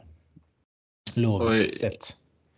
Jag, jag, kan ju omöjligt tänka mig att vem den här sportchefen nu är och vem den här tränaren nu är så känns det inte som att de har suttit med en kaffe i tre timmar. Utan, eller det kanske de har, jag vet inte men eh, ja, Nej. Nej men alltså, jag tänker ändå, ponera då att det skulle vara de här två. Eh, och eh, Bogren bott nere i Tingsryd och eh, Georgsson i Västervik. Eh, och jag tänker där, om man vet att man ska jobba med varandra, att, eh, för mellan de två kanske inte är någon hemlighet att ja, men vi slutförhandlar med den personen. Då är det väl kanske deras intresse också att ta kontakt med varandra och prata ihop sig och sådär. Så ja, jag, jag, vet inte riktigt, men eh. Ja, nej jag, jag, jag har verkligen ingen aning om. Men det, det, som SSK är man ju livrädd att de ska göra allt det här helt fel. Och det, det är så många... Bosic var ju inte involverad överhuvudtaget i att Bemström kom hit och de skulle liksom dela ledarskapet. Varför skulle samma personer inte kunna göra ett lika inkompetent beslut? Nej, vi har ju fortfarande inte fått ta del av Alltså, nu har man ju läst lite mellan raderna på sociala medier bland annat att Guldklubbsmedlemmar har ju tagit del av eller har haft en frågestund och ställt frågor om, om bristerna och felet med den här säsongen och vad har man för åtgärder och så vidare. Och någonstans så borde de ju snart gå ut med en redogörelse där på vad har man för plan framåt för att rätta till en del av de misstag som man begick denna säsongen. Liksom. Känns någonstans att det är där man måste börja både för fans, sponsorer och klubb i allmänhet att man går ut med den här kommunikationen.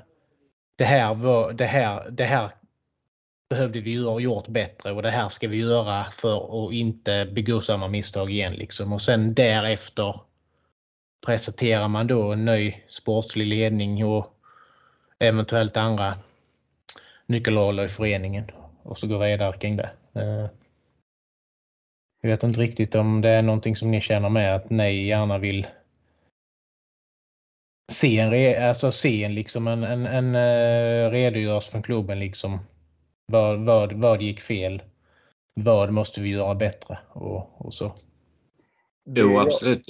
Ja. Det, det, det, det, jag tänker är den stora skillnaden här. Nu, nu kan det ju vara så som vi säger att eh, Anders Hellebrink och Bogren är väldigt bra vänner. Men samtidigt så ser jag att det är ju inte den här kompisvärvningen som blir, alltså jag menar Jörgen och Micke Samuelsson borde ju eh, vara ganska bra vänner i alla fall. Eh, de måste ju känna varandra i alla fall. Eh, och då tänker jag att det blir väl väldigt mycket lättare för en sån sportchef att plocka in en kompis än vad det är i år så att säga. På något sätt tänker jag. Eh, och just att det här klubbikons hjärtat ändå som både fanns hos Samme och hos Jörgen eller finns eller hur man ska uttrycka sig. Att det är väl det som kanske eh, satte käppar i hjulet då och vilket inte är fallet i år. Att det kanske är det som jag lugnar mig med lite grann i alla fall. Ja. Det är, alltså, att vi tar in två folk utifrån är väldigt positivt för ja, om man bara radar upp folk med viktiga positioner inför säsongen. Eh, per Nygårds, Kalle Brattenberg, Niklas Grossman, Dennis Bossic, Jörgen Bemström, Mikael Samuelsson, eh, Stefan Gråns, Mattias Bäck. Alltså, det är inte svårt att hitta en gemensam nämnare hos de här. Och jag säger inte att alla inte är kompetenta för sina jobb, men jag har svårt att tänka mig att om man, om man ser objektivt på alla namn så skulle det vara SSK-hjärtan som är på toppen av varenda lista. Alltså. Eh, jag, ska, jag, jag, vill tala lite om eh, eh Samme. Eh, jag respekterar han som spelar något oerhört. Han var en väldigt bra hockeyspelare och jag minns lockoutsäsongen med hur han kom hit och var, var riktigt bra i slutspelet. Eh, och när han tillträdde som sportchef så var jag ju en av dem som, som trodde på det för att han hade ju ganska många kontakter. För han har jobbat som scout bort i NHL och ja, han var en duktig hockeyspelare och han har varit med om diverse lagbygge och sånt. Men eh, den här säsongen blev det ju inte som någon hade tänkt. Så, så enkelt är det ju. Och då, där var, var väldigt många felbeslut så här i efterhand som man kan se att ja, det blev inte riktigt bra. Men som hockeyspelare och som SSK-profil så, så har ändå samma min fulla respekt på något vis. Men sen så Sen blev det inte bra med lagbygget i år. Det är bara att konstatera. Men det behöver inte vara hans fel heller. Utan det är säkert flera led i klubben som har fallerat i de besluten. Så jag tror inte bara vi ska lasta samma för det här utan det är ju hela organisationen i slutändan egentligen. Det var jag. Det var jag. Det är vad jag har för tankar om det i alla fall. Mm. Det, det känns som att det är väldigt mycket som är fel och hela linjen man gick in på med, in, med man gick in i säsongen med som icke-satsning och sänkt spelarbudget och jag tror knappast det var Samme som satt och bestämde alla direktiv själv. Och ja. Sen har han också såklart extremt stort ansvar över det sportsliga. Såklart. Men eh,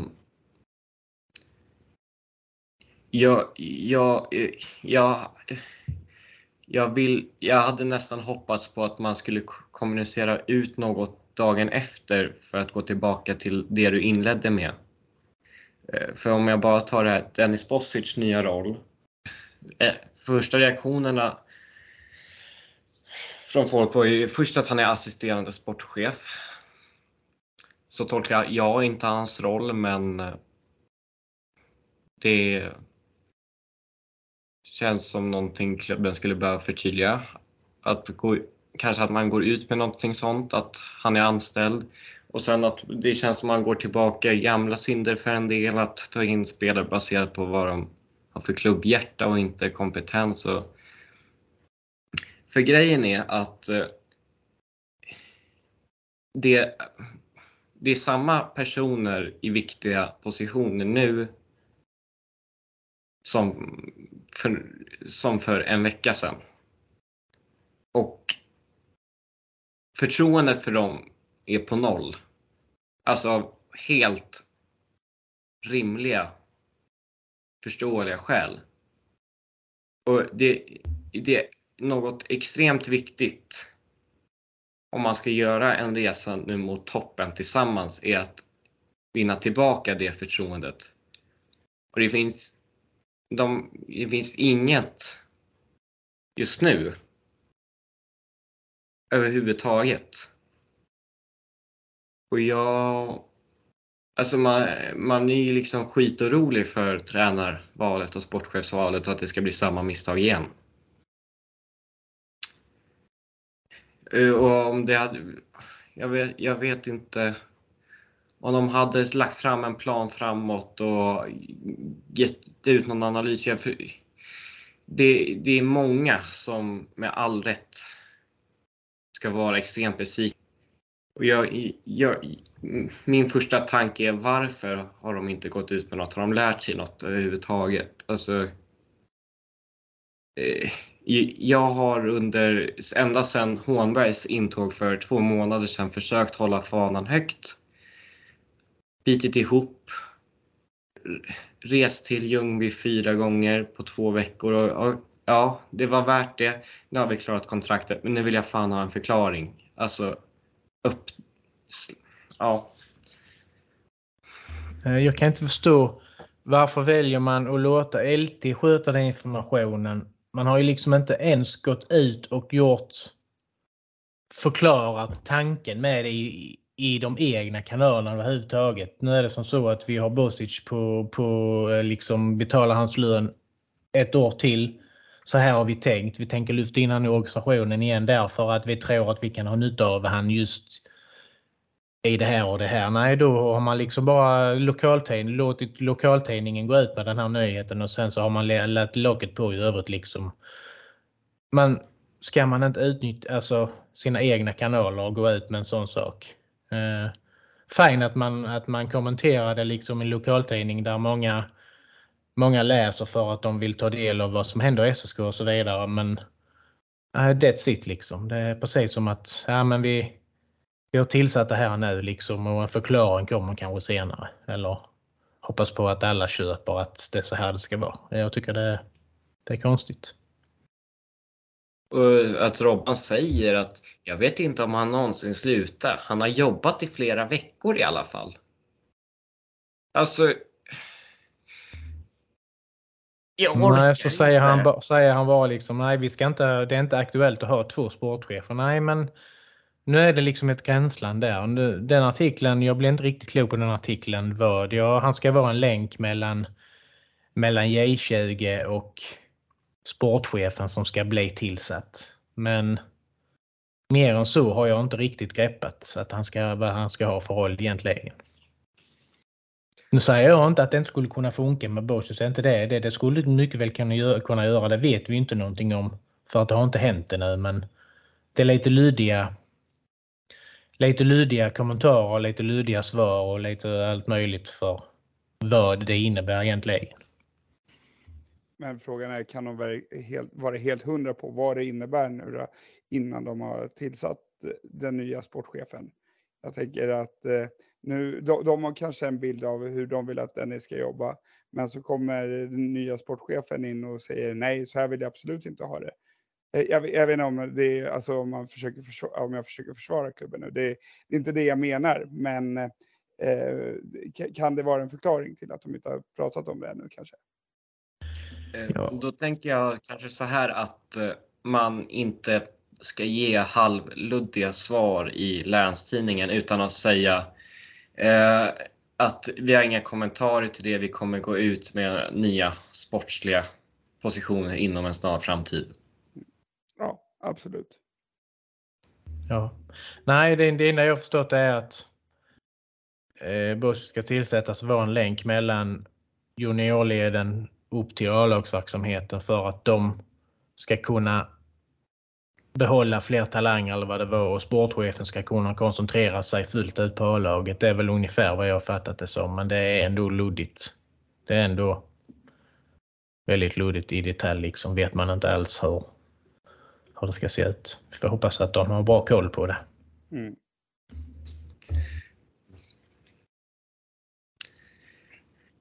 Eh, ta någon mer lyssnarfråga. Eh, Andreas Videll och Bergfors. Eh, jag har inte hört något om Videll sedan han gick till KL. Men det enda jag vet är att Eldebrink vill ha honom. Sen vet jag inte vad han vill eller Georgsson, om det nu blir Georgsson. Eh, Bergfors hoppas jag personligen inte kommer, men jag vet att Eldebrink också har velat ha honom och fört diskussion. Eh, men sen även där, det är ingen aning om vad Bergfors vill och ingen aning om vad den nya sportchefen vill. Eh, jag känner lite grann, grann äh, det här att äh, det är två namn. Jag känner faktiskt att man, att man ska släppa denna helt och hållet. Eh, kan vi ta eh, Bergfors till exempel. Det, det känns väldigt trött att ha han i åtanke till nästa säsong. Eh, jag vet inte ska man komma hit här så ska man liksom helhjärtat komma hit och vilja vända på skutan och göra SSK ett vinnande lag. Man ska alltså brinna för uppgiften. Det känner jag inte att varken Bergfors eller Videll skulle göra med SSK om jag ska vara riktigt ärlig. Videll har väl en hyfsat högsta nivå fortfarande men han ville inte denna gången komma hit och och då är jag inte så säker på att han helhjärtat vill vara här och göra någonting bra till nästa säsong heller. Så att jag känner att de, det är rätt få trötta namn faktiskt. För mig. Mm.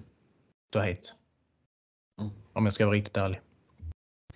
Och jag känner, eh, om jag bara om jag, om jag liksom kopplar bort viljan att vara här och så vidare som hockeyspelare.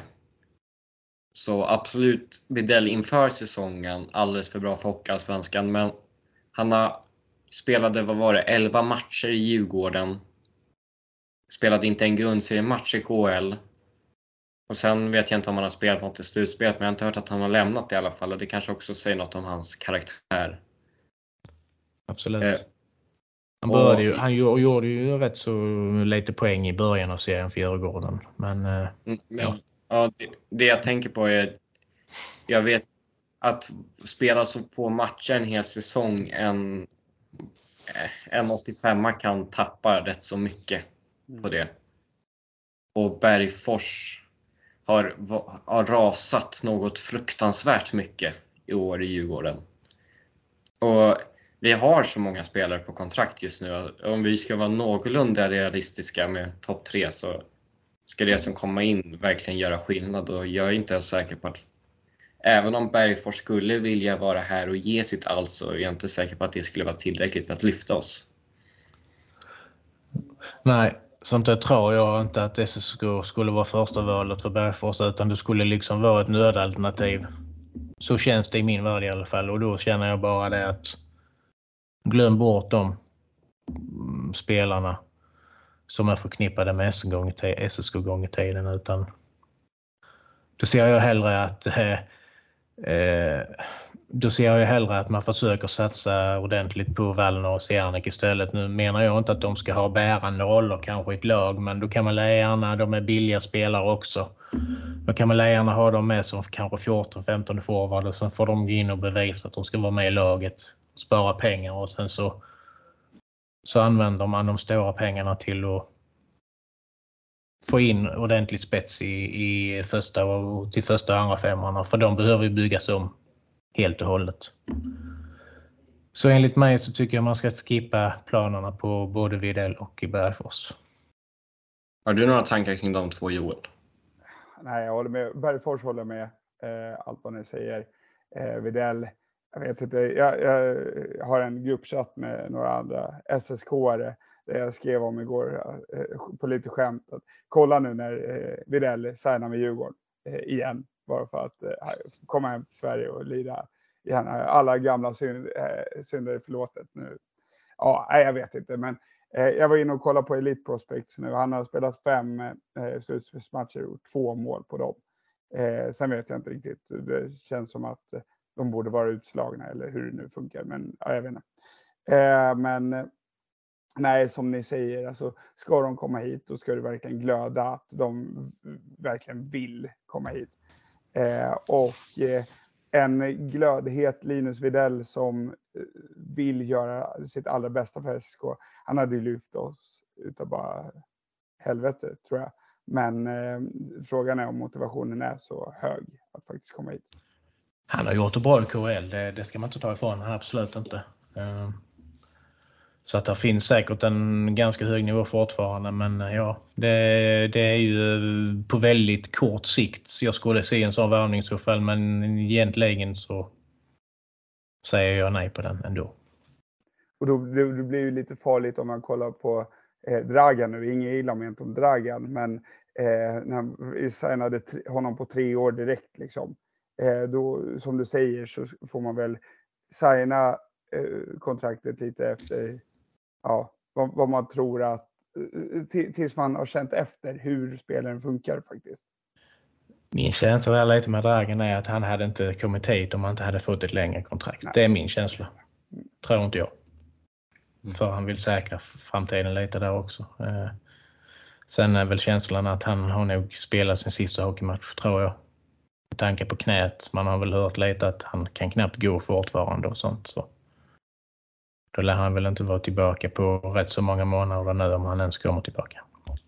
Ja, det är jävla tråkigt alltså. Det är, eh, men det är all heder åt de här som ändå väljer att komma hem och ja, men vill avsluta säsongen i SSK. Så det, alltså, jag tycker att det är jättefint och jätte, jätte ja, men kul att de väljer att göra det. Men eh, och så är det ju otroligt tråkigt att det inte går vägen och att eh, ja, Dragan, om jag pratar om honom, att han slutade, äh, skadade sig nu och det fick bli slutet. Det är ju skittråkigt, men ja. Ja, alltså, alltså, han säger ju utåt att han har ju väldigt stor hjärta för klubben och det hoppas jag och tror att det verkligen är så det är. Men det är väl det som du säger. Ja, visst det är för att de kommer tillbaka, men sen många gånger sker det väl också när de har passerat sin peak i karriären så att säga. Eller många gånger, men det är väl ibland så det blir. Eh, men eh, jag vet inte om de har en tanke om han ska kanske komma in i organisationen, organisationen på något annat sätt framöver eller ha det liksom. Om det är på gott och ont, det vet jag inte. Vi får väl se helt enkelt. Sebastian undrar vilka nya spelare ni tror kommer spela för SSK nästa säsong? Eh, jag har bara hört ett namn som florerat. Daniel, har du hört något? Nej, det har jag faktiskt inte gjort. Hugo Gustafsson är väl kanske inte helt, helt, helt otänkbart att han skulle komma tillbaka igen. Det är väl inte helt otro, eh, otänkbart att Växjö skulle välja att bryta kontraktet med Eller de bryter det ömsesidigt. Och att han kommer hit här och får ett år igen i Hockeyallsvenskan. Men sen annars så har jag ingen aning faktiskt. En del de resonerar ju om namn som Döjk och Majer och till och med det Olesen. Olesen är ju helt, den kan vi ju plocka bort direkt. Han är mitt uppe i karriären och har väl inte varit så hemskt dålig i Brynäs ändå vad jag har förstått det som. Så att Döjk och Majer tror jag inte heller vi kan förvänta oss av. Inte ännu i alla fall. Eh, Blomstrand har kontrakt. Möjligtvis han kan komma under säsongen kanske.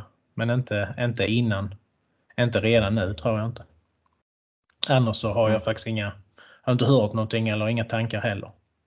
Det jag tänker på här nu, det är som vi också skrivit om. Eh, eh, Björklövenspelaren, kanadensaren nu. Nu tappar jag namnet. Hutchings. Eh, Hutchins ja.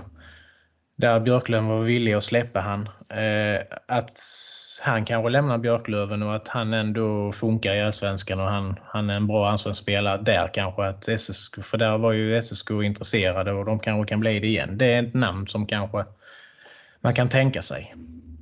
Kanske ingen som ska ja. lyfta en första kedja kanske, men han kanske i alla fall kan vara garanterad 30 plus poäng i Hockeyallsvenskan. Det är han ju god för och då, då har vi en förstärkning direkt. Det är ett namn som man kanske kan, skulle kunna tänka sig. Men ja. eh, Grejen med, Hutching, grejen med Hutchings är att, eh, som jag förstår det av Björklövare, att det är en kille som kanske halvsover lite under serielunken och sen kliver fram och börjar spela rejält när det är slutspel. Och sådana killar kan vara bra att ha, men jag vet inte om det är en forward som skulle komma hit och verkligen ge ett superlyft. Men å andra sidan, vilka, vilka bättre namn skulle vara realistiska Nej. att få jag, hit? Jag säger så, han gör ju ändå sina 30 plus poäng. 30-30 plus poäng på en, en grundserie. Och vilka har gjort det i SSK denna säsongen? Ingen. Ingen, nej. Inte ens nära heller. Så att... Eh, Men skulle han off ha offensivt så skulle det inte bli sämre. Men ja, det var ett, namn, ett exempel som jag ja. har de en gång varit lite hooked på och varit intresserad så kanske det inte är en helt orealistiskt. Det är bara en tanke. Jag säger inte att det kommer att bli så. Men... Nej, jag, jag, men, jag menar inte att dissa ditt förslag utan jag, jag försökte bara ge perspektivet att det ja, ja. är lite skillnad att vara intresserad när man liksom kämpar för sin överlevnad. Och, mm. Det var ett namn som jag kom på så här bara ja. i allast liksom. Men ja, det, det, det jag har hört är Hugo Gustafsson, men och att det kanske att Växjö vill släppa honom och att SSK är väldigt intresserade. Men vad jag förstår finns det inte mycket som tyder på att han är intresserad av att spela hockeyallsvensk ishockey. Nej, kanske inte. Samtidigt så har han ett stort hjärta för klubben så om han känner att jag vet inte, han kanske... Ja, vi får väl se helt enkelt. Yes. Men helt, helt orealistiskt är den väl kanske inte heller om man ska säga något annat. Men i dagsläget ser jag inte han som en första center i SSK heller. Det, han skulle kunna utvecklas till att bli en bärande spelare men eh, beror lite på också omgivningen. Men. Mm. På, eh, Ja, centra är nästa grej. Eh, diskutera backar. Eh, eh, Danne hade två frågor. Ena är backar och eh, centerlinje. Vi kan väl gå vidare från det du pratade om och prata om centerlinjen. Eh, varför vi aldrig värvar fyra kompletta centrar innan säsongen börjat. Vi har letat en till två centrar under varje säsong sedan år 2008 skrev han.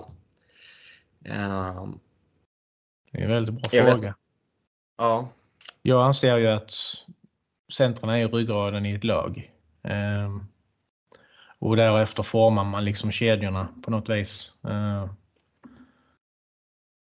men det som vi har diskuterat inom du och jag och Janne har ju diskuterat om en gång som helst att centersidan har ju inte varit prioriterad varken denna säsongen eller säsonger tillbaka heller. Liksom. Det känns som att nej, här ska man kunna spela både och. Liksom. Man ska kunna stoppa in den spelaren lite här och var och den ska kunna göra det. blir liksom så luddigt. Eh, jag förstår inte riktigt. Jag har inte jag så resonemanget var från början av denna säsongen med och jag, jag vet inte riktigt. Men Jag hoppas verkligen att man, man, eh, man ser vikten av att ha ja, stabila tvåvägscentra. En center ska ju kunna gå in och Alltså, alltså de, en center ska ju kunna alltså, vinna teckningar, kunna gå in och styra lite ett powerplay och ja, göra ett bra jobb på bägge hållen. Liksom. Det är, därför så är det en väldigt viktig position i ett, i ett lagbygge. Och det är lite därför jag är inne på att man ska nog säga tack och hej till både Aronsson och Marcinju, även om jag tycker att det var två av våra bättre spelare mot slutet.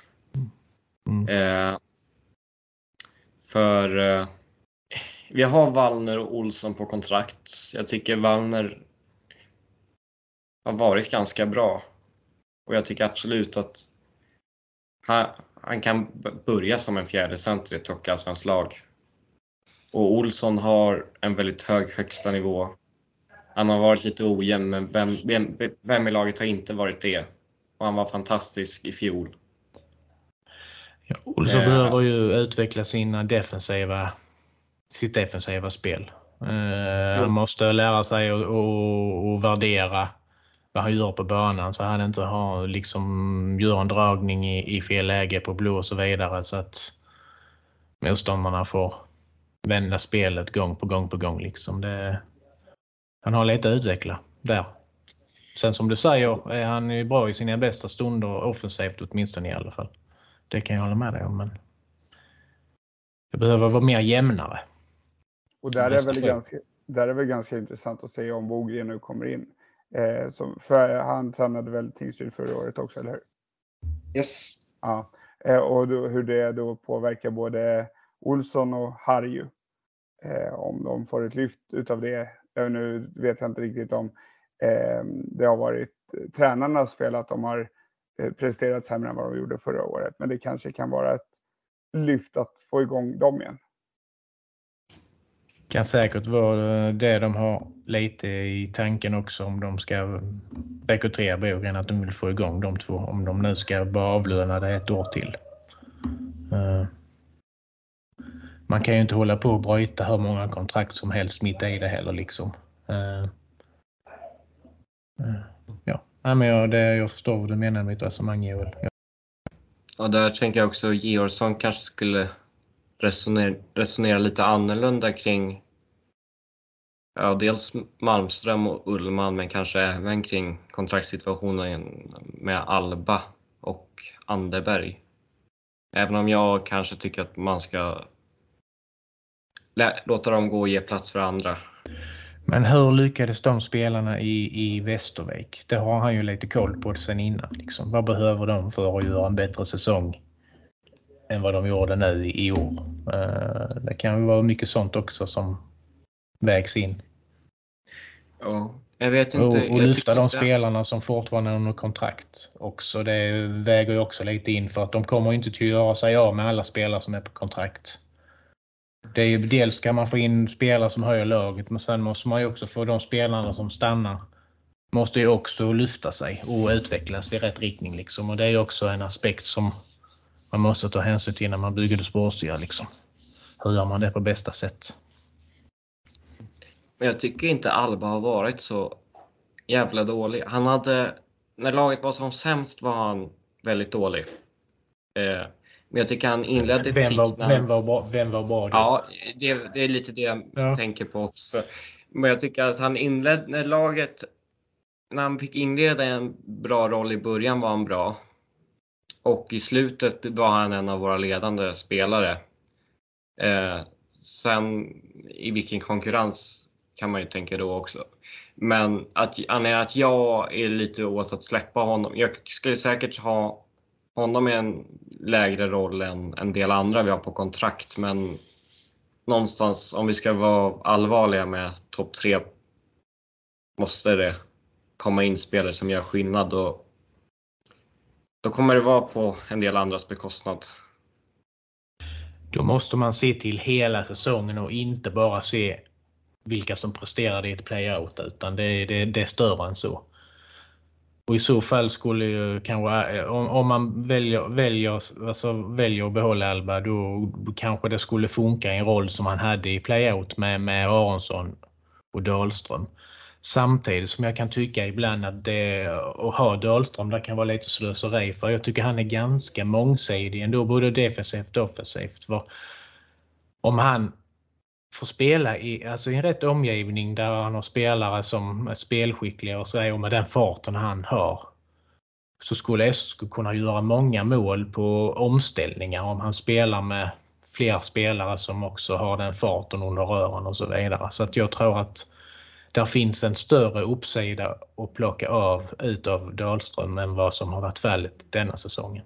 Ehm, sen beror det på lite grann hur, hur lagerbygd kommer att se ut i övrigt såklart. Men för att gå tillbaka till centersidan så jag tycker släpp Aronsson och Marcinju. Eh, låt eh, Sjöberg, Pasic, Olsson återförenas som en tredje kedja. Wallner fjärde center. Värva två toppcentra att bygga kring. Absolut två nya centra till topp 2-kedjan behöver in. Det, det håller jag fullständigt med dig Och sen Dannes andra fråga var mer spelskickliga backar. Um, och han tycker att vi alltid bara har en till två.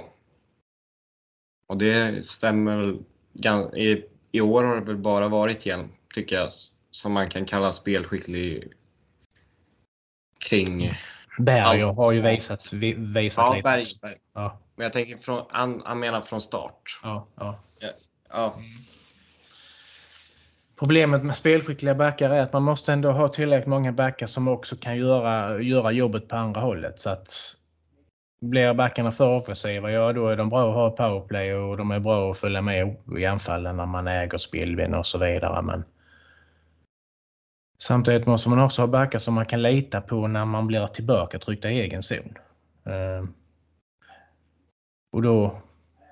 Ja visst, spelskickliga backar har vi saknat men jag tycker också vi har saknat tvåvägsbackar som, som, som gör bra nytta i, i bägge ändarna.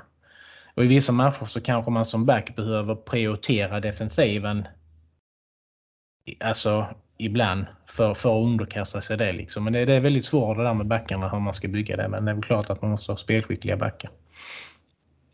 Ja, och om det då är ett gammalt sätt kanske att ha en defensiv och en offensiv i varje backpar. Det är kanske ett gammalt sätt att se hockey på. Jag vet inte riktigt men, men eh, det är lite svårt det där. Jag tycker man ska satsa på moderna tvåvägsbackar. Ja. Mm. Eh, jag, vet, jag, jag, jag, kanske jag kanske inte tycker att vi har backar, våra backar i sig har jätteallvarliga defensiva brister. Men när vi spelar fast oss så ofantligt många gånger och knappt lyckas slå ett uppspel och inte är kapabla att eh, dom, dominera i mittzonen, då, eh, då blir det att man gör bort sig. Känns som Joel här inte får en syl i vädret han kanske också vill vara med i diskussionen lite här. Ja, nej, men det, jag, jag sitter bara mest och lyssnar och njuter på era diskussioner. Det, eh, det är spännande. Men, men jag tänker också lite så här, om man kollar på de backarna som vi plockade in inför i år, så hade väl man väl ändå eh, förväntningar på Anderberg till exempel, att han skulle kunna vara en spelskicklig back. För att han var väl relativt hypad i Västervik förra året, eh, om jag minns, minns rätt. Eh, och sen så ja, men eh, och, och Nordsäter också.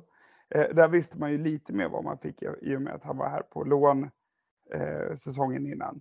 Och så där. Men eh, så kan det väl vara så att det, det, det ville sig inte. Det blev inte som, som tänkt när de väl kom hit. Nej, det blev ju inte det. Eh, Bilden med Anderberg eh, vill jag nog säga snarare tvärtom att jag har väl bilden av att han har varit en fysiskt tung back att möta i egen zon. Liksom. Det är väl kanske den bilden jag hade från han. Men den, den tydligaste bilden man hade av han var väl i slutspelet mot SSK egentligen eftersom man inte följer Västervik eller andra lag i, kanske så jättemycket annars vid sidan av. under en hockeysäsong utan man har så fullt upp med att följa SSK liksom. Men, eh, men som sagt var, jag håller med dig. Jag hade, oavsett så hade jag också högre förväntningar på Anneberg än vad, vad som blev fallet. Eh, så Ullman, han, är väl, han har väl en bra offensiv uppsida som back för han gjorde det väl helt okej okay i Västervik när han var där en säsong och spelade. Det var ju därför han fick chansen i Björklöven till exempel. Men det har inte riktigt blivit som någon tänkte sig där heller. Eh, för att ta, ta två exempel. Eh, ja. Där har vi vår kommande fjärde center. I Ullman. Ja, just det. Lite experiment nu i playouten. Ja, kanske. Nej, jag vet inte. Eh. De var väl obesegrade så länge han gick som center, tror jag i alla fall. Så det är någonting att hänga i julgranen. Ja, efter, eh, Fast vissa ansåg att han skulle plockas väck från centerrollen omedelbart. Precis. Mm. Eh, men eh, när vi ändå är inne på och backar eh, så måste jag ändå säga ehm, Andreas Hjelms avskedsbrev eh, eh, som SSK la ut. Så det var väldigt fin avslutning tycker jag ändå. Han har ändå varit här i omgångar relativt länge och då när han då väljer att flytta till Norge nu så var det kul och det kändes som ett värdigt avslut ändå. Jag blev väldigt glad av att se det. Nu blir det ett sidospår här, men eh, jag, jag, jag reagerar väldigt starkt på det i alla fall. Ja, vi pratade om backar så att eh, eh, var det väl inte direkt sidospår så, men nej, men jag håller med dig. Eh, man, man känner det verkligen genuint att han, han pratar från hjärtat att hur väl, alltså hur väl mottagen han har varit här. Hur han känner liksom att stödet han har haft här under de två, två och en halv säsongerna som han har varit här liksom. Eh, så jag håller med dig där. Eh, sen var det väl vad jag förstår det som ett svårt beslut för han att ta beslutet att flytta liksom. Men sen hängde det ju på det privata med hans fru förmodar jag som, som kommer från Norge. Eh, Mm. Känns väl som att han hade tankarna på att förlänga ytterligare men, men det blev familjen som, som, som det oftast blir som, som gick i, i, i förarsätet där så att säga. Ja. Jo, nej, men det, är väl, det är väl rimligt. Jag, jag, jag tror att han hade kunnat göra det bra i Hockeyallsvenskan något år till. Men eh, om han inte skulle stanna hos oss då ser jag ju naturligtvis, blir jag glad över att han inte går till någon annan eh, ligakonkurrent utan att han mm. Flyttar. Precis det som du säger, ett år till. skulle man förlängt med han så skulle det nog, skulle det nog varit ett år i taget. Liksom. Mm. Eh, och då är det alltid två parter som ska förhandla. Spelaren kanske vill ha ett längre kontrakt och klubben vill bara ha ett. Eller så är det tvärtom. Liksom. Och då, då är det väl bättre att säga tack adjö. Liksom. Eh, det ska kunna gå att ersätta han.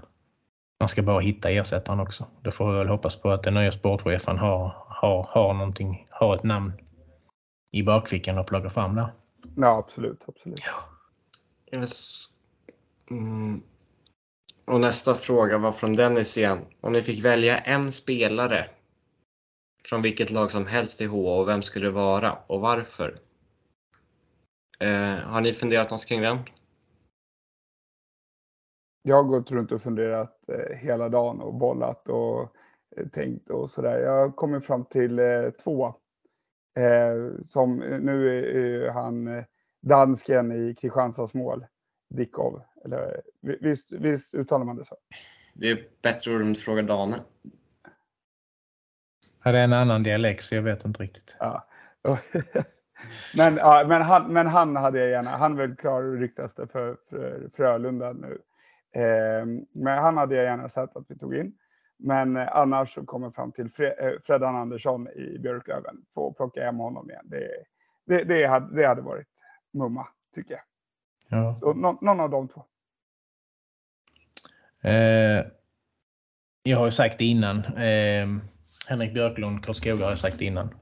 Eh, Eh, I alla fall det har jag sagt innan och anledningen till det, är väl att jag är en sniper och jag tror inte han hade varit lika brydd om vilken tröja han hade tagit på sig utan jag tror att han bara hade gått in och kört liksom. Alltså, en spelare som jag liksom har gillat alltid. Uh, sniper, han är, han är liksom han är där hela tiden där det vankas målchans och så vidare. Och han gör väl alltid 20 plusmål i, i Hockeyallsvenskan varje säsong. Eh. Eh, sen, eh, sen är det väl någonting jag har funderat på, kanske inget som jag funderat på innan, men jag tänker en sån spelare som Jesper Kokkonen som har varit lite eh, upp och ner, 13 forward emellanåt vissa matcher HV. Om de går upp till SHL är han väl kanske inte få nytt kontrakt. Det är ju en spelare som jag skulle kunna tänka mig att man skulle kunna titta på till exempel. Eh, hur realistiskt det är, det vet jag inte, men eh, inte omöjligt har jag inte. Men i alla fall Henrik Björklund en spelare som jag skulle vilja ha till SSK, men det, så tror jag nog inte blir fallet. Men där har ni ett namn i alla fall. Yes. Uh, Vad har du för namn då? Ja. Marcus Eriksson i Vita Hästen. Uh, den nivån han har hållit i år trots att han spelade i division 2 eller division 3. Uh, helt osannolik. Han är ju gammal också.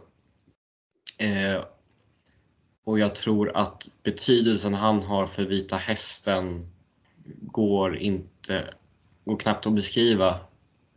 Och jag, jag, jag tror att de hade till och med fått spela playout i år om, utan honom i laget. Så tycker jag han blev rånad på MVP även om jag inte man inte kanske kan säga att Björklund inte förtjänade den. Men eh, om, eh, helt orealistiskt men hade älskat att se honom i SSK. Jag tror till och med David att jag har för mig någonstans långt bak i huvudet att han eh, var en spelare som Samme också ville ha till SSK som han tittade på i början när han eh, blev sportchef i SSK. Jag har läst det någonstans. Sen kan det dock bara vara ett rykte men eh, någon artikel kommer jag ihåg att jag läste det någonstans i alla fall. Du blandar inte ihop det med Palmberg? Nej, Marcus Eriksson. Okay. Också. Eh, Palmberg visste han inte ens, eh, Rickard Palmberg visste han inte ens vem var. Så att, eh, Just. det tror jag inte. ja. Jag kommer inte ihåg det. Mm. Men en annan, Sassa. Det var väl ingen fråga, men han skriver uppstart av en fotbollssektion! Utropstecken. Är det någon av er som skulle förespråka det? Eh, alltså jag känner att om Roger vill fixa det så får han jättegärna göra det. Eh, jag vet inte, jag, jag personligen tycker att fotboll är den, bland de tråkigaste sporterna som finns. Jag brukar ofta somna när jag kollar på en fotbollsmatch. Så för, för min egen del så eh, nej, det, det är ingenting jag går igång på i alla fall. Eh, förutom då att se Roger försöka starta upp en eh, fotbollssession. Det hade varit ganska kul att se. Men i övrigt så nej, det är ingenting som jag brinner för. Jag trodde bara han brydde sig om eh, cykelsektionen och typ Tour de France, men jag vet inte. Det är väl Sassa som är sån, eh, han är cykelkille va? Om jag inte är helt fel ute och cyklar. Om jag inte är ute och cyklar. Fick jag till det också. Ja. Men vi får väl gå, kanske gå vidare med det där och höra om de har funderingar på att starta en fotbollssektion. Men jag tycker det finns väl kanske ganska, ganska så många fotbollslag i Södertälje redan. Men det hade ju varit ganska trevligt att ha någonting att åka till på somrarna. Ja. Bara stå med en, en division 6-plan och prata skit med SSK och hålla en korv i bröd i handen. Mm. Det allra mest magiska det hade ju varit att eh, eh, vänta på den dagen då Hammarby får komma och möta SSK i Svenska Cupen och så se alla de här som håller på både på Bayern och på SSK och se vad, vad, vad, de skulle vad de skulle göra då. Liksom om de kommer med så här halva matchtröjor eller hur, hur det funkar. Det, det hade jag tyckt varit ganska underhållande att se. Hur gjorde de i ettan? Ja, säg det.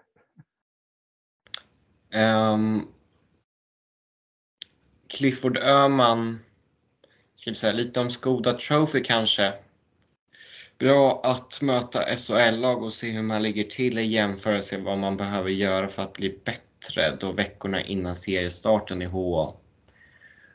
Och då antar jag att han försöker ge en annan take på det med tanke på att det kanske har varit lite kritik åt att vi har blivit slagpåsar i vår egen turnering de senaste två säsongerna.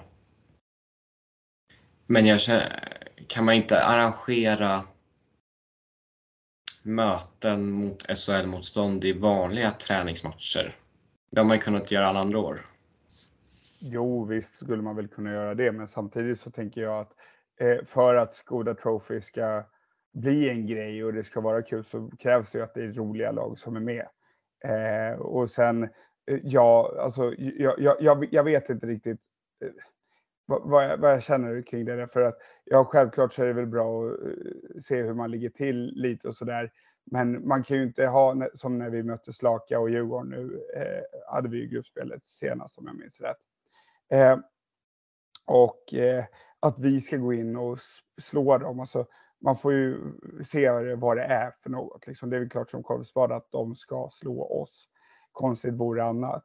Men, eh, men jag ser hellre en rolig match där man får stå och hata Linköping i 60 minuter och förlora med några mål än att spela mot Västervik eller Tingsryd bara för att vi ska få den, ja men, att vi ska få känna hur det är att vinna. För att jag tror att om man bara bjuder in hockeyallsvenska lag, det finns inte tillräckligt många roliga hockeyallsvenska lag som skulle få den här turneringen att lyfta så att säga. Ja, men det kanske inte behöver vara svart eller vitt tänker jag, utan nu var det, det var vi, Västerås och sen fyra SHL-lag. Eh, nu känner jag att man kan bjuda in AIK och Djurgården. Bara där är det Eh. Fast frågan är alltså, går det ens att arrangera ett derby i Scaniariggen Med två olika, men jag tänker utifrån säkerhetsgrejer. För jag minns eh, när Djurgården och Gnaget möttes förra gången, när jag gick i gymnasiet tror jag det var, då var jag med två eh, gymnasieklasskompisar på en av de derbymatcherna. Och på Globen där, då hade de ju skapat vallgravar i, så det gick inte att ta sig över liksom. Så jag tror, och det var ju som när de spelade kval där i, eh, mot varandra. Då fick ju bara hemmafansen komma för att på Hovet gick det inte att eh, säkerställa ordningen liksom. Så även om det vore dunder att ha ett derby i Skoda Trophy så eh, undrar jag om det ens är genomförbart. Kan man inte... Nej, det kanske var en dum idé. Uh, kan man inte... Kan inte de arrangera sitt derby på Hovet då, eller är det helt fel med en Skoda Trophy-match någon annanstans? Ja, nej, men det skulle de väl kunna göra, men då, är, då fråntar man ju det att då blir det ju inte SSKs turnering på så sätt. Det blir ju eh, svårt av SSK att eh, arrangera ett derby på Globen om vi säger att det skulle vara där bara i en försäsongsturnering. Eh, så, men, och då, då blir det ju eh, farligt. Alltså det är ju svårt att bjuda in båda de två samtidigt för att eh, även om de skulle spela i separata grupper så vet man ju faktiskt aldrig hur det går i slutspelet så att säga. Det kan ju vara så att de får mötas ändå. Men jag håller med dig, det vore skitkul om det gick att fixa. Ja. Kan man liksom halvera Scania-rinken på något sätt? Alltså halva arenan är tillåten för gårdar och halva arenan är tillåten för aik -are. Det kanske är helt omöjligt. Nej, men och jag tänker också alltså, kommunikationerna dit. Har man varit på ett fotbollsderby eh, på Tele2 eller ett hockeyderby på Eh, i, i Globen. Så där går det ändå att dela upp så att några, eh, ena klacken går till eh, Globens tunnelbana eller Gullmars och andra går till Skärmarbrink. Liksom. Eh, så jag tänker just, och jag tänker om man skulle arrangera det i år speciellt, om det skulle vara det första derbyt på sju år som Djurgården och Gnaget skulle spela mot varandra, då skulle det vara så jävla överhypat så det finns ju inte. Jag såg att Gnaget släppte sina, eller sina derbybiljetter redan igår. Fast det är ett halvår kvar innan. De vet inte ens när första matchen spelas. Eh, så i, i år så... Jag, jag tror i så, ett sådant hockeyderby i Södertälje blir nog brutalt svårt att eh, fixa. Men något jag tycker är mer intressant kring Skoda än vilka lag som är med är hur vi ska utforma turneringen. För det, det, det kändes helt ointressant i fjol. Vet, har du någon åsikt kring det Daniel? Eller du kanske inte bryr dig så mycket om Skoda? Jag satte halvsov innan och ställde frågan så jag vet inte riktigt vad vi pratar om egentligen. Men jag vet att vi pratar om Skoda Trophy. Men eh, jag vet inte om du syftar på den här typ match från femte och sjätte plats. Den var väl kanske inte kändes kanske inte sådär eh, jättehet. Eh, Ja, Men, eh, eller på grupp på tre och ett, Ja. ja. det blir inget riktigt slutspel känns som, även om man skulle gå till final. Så. Ja, du förstår vad jag menar. Ja, Skoda Trophy som turnering är väl kanske in, inget dumt upplägg och ha lite sådär tävlingskaraktär redan på, på försäsongen. Liksom. Eh, alltså så lite. Eh, men eh, nej, upplägget, jag vet inte, det känns lite sådär. Eh, Det jag skulle önska om man skulle utveckla det, det är att man la upp det över två helger. Så att eh, man spelade gruppspelet kanske ena helgen och sen finalen andra helgen. För att i år blev det så konstigt när, Eh, när vi fick möta Linköping klockan fyra en torsdag, eller vad fan det var. Eh, det är liksom hur många kan ta sig dit från jobbet då. Och eh, där, där har vi verkligen potentiell, alltså stor, alltså mycket supporter till Scanrinken och mycket intäkter om man hade fått till det ja, men på en annan tid liksom, som folk, passade folk bättre. Sen så kanske det är svårt att få med att lagen att gå med på det. Det får man ju ha respekt för såklart. Men eh, nej, ur ett supporterperspektiv så hade det ju varit kanon att ja, men få till matcherna lite bättre tider så att säga. Jag, eh, men jag, jag känner nästan att jag föredrar när det var fyra lag eh, och det bara var en, en rak serie istället för... Det känns så forcerat just nu att få till en turnering av det hela. När ett, ettan möter ettan och tvåan möter tvåan och sen trean möter trean, sen är det slut. grund, grundidén tycker jag är bra. Så det är kul med, som vi säger, med no, några försäsongsmatcher som betyder lite grann. Men ja, det behöver utvecklas lite grann. Var det, är det, var det andra året eller tredje året de körde Eh, det, eh, menar du överlag? Hur Ja, många år kör Skoda? Det är väl fyra. Är det fyra till och med? Okej. Mm. Eh, eller vi har kört det här systemet två år. Just det, så är det. Och sen har vi kört det här fyra lag, en serie, ett eller två år. Mm. Men min dröm skulle vara kanske att det är fyra lag i varje grupp. Kvart och sen kvart semifinal. Men då blir det problem med, spelschema. Sen, sen kan jag tänka mig så, här att skulle inte upplägget lite grann med vara så att det gynnar så att SSK som liksom arrangerar turneringen som hemmalag skulle kunna ha möjlighet att vinna turneringen någon gång också. Liksom. Eh, eller det känns ju lite grann bara som att skänka bort prispengarna till en annan klubb liksom som upplägget ser ut nu. Eh, jag vet inte. Skippa Eller man, ska bara, ja, eller man bara ska ta, ta det för, det var, för vad det är kanske. Eller, ja, jag vet inte. Får skippa SHL-lagen och bara bjuda in Ja, och ja, ettan SHL-lagen. Huddinge Ja. och Haninge då. Ja, typ de ja. Då kanske. Möjligtvis. Ungefär så ja. Men eh, tänk riskerna att göra det. Alltså, man skulle ju bli hånad i ett decennium om man misslyckas.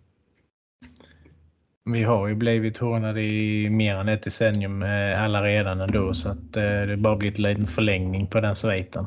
Så att eh, Ja, i och för sig. Du slipper i alla fall gå till jobbet och ha en massa dryga KIK-supportrar efter dig om dagarna. Bara en sån sak. Ja, fy. Nu blev de ju utslagna här ikväll. Då. Ja, men, men ändå. Mm. Man kan väl säga att de har varit ganska mycket bättre än vad vårt lag har varit denna säsongen ändå. Har Ja. vänder och vrider på det. Men eh, om vi ska ta den diskussionen lite snabbt då, så kan man ju se det här, alltså det, det borde ju vara så här att det var mer ett undantag än eh, alltså, hur det borde vara. Så eh, förmodligen så är det du som kan komma med störst leende här kommande år i alla fall, förhoppningsvis. Men eh, mm, nu ska vi inte jinxa något i förväg. Matte Henriksson är lite förbannad över souvenirbutiken. Han skriver så här. Vem är ansvarig för souvenirbutiken? Just nu är den under all kritik. Det är i normala fall en riktigt fin inkomstkälla. Många klubbar tjänar hundratusentals kronor på souvenirer, men inte vi. Med våra fantasilösa produkter. Sorry att jag är kritisk, men så är fallet. Jobbat med liknande i många år, så jag har koll. Riktigt orolig. Ehm, jag vet inte Joel, har du i supporterklubben bättre koll på det här än vad vi har kanske? Nej, jag vet inte om jag har det egentligen.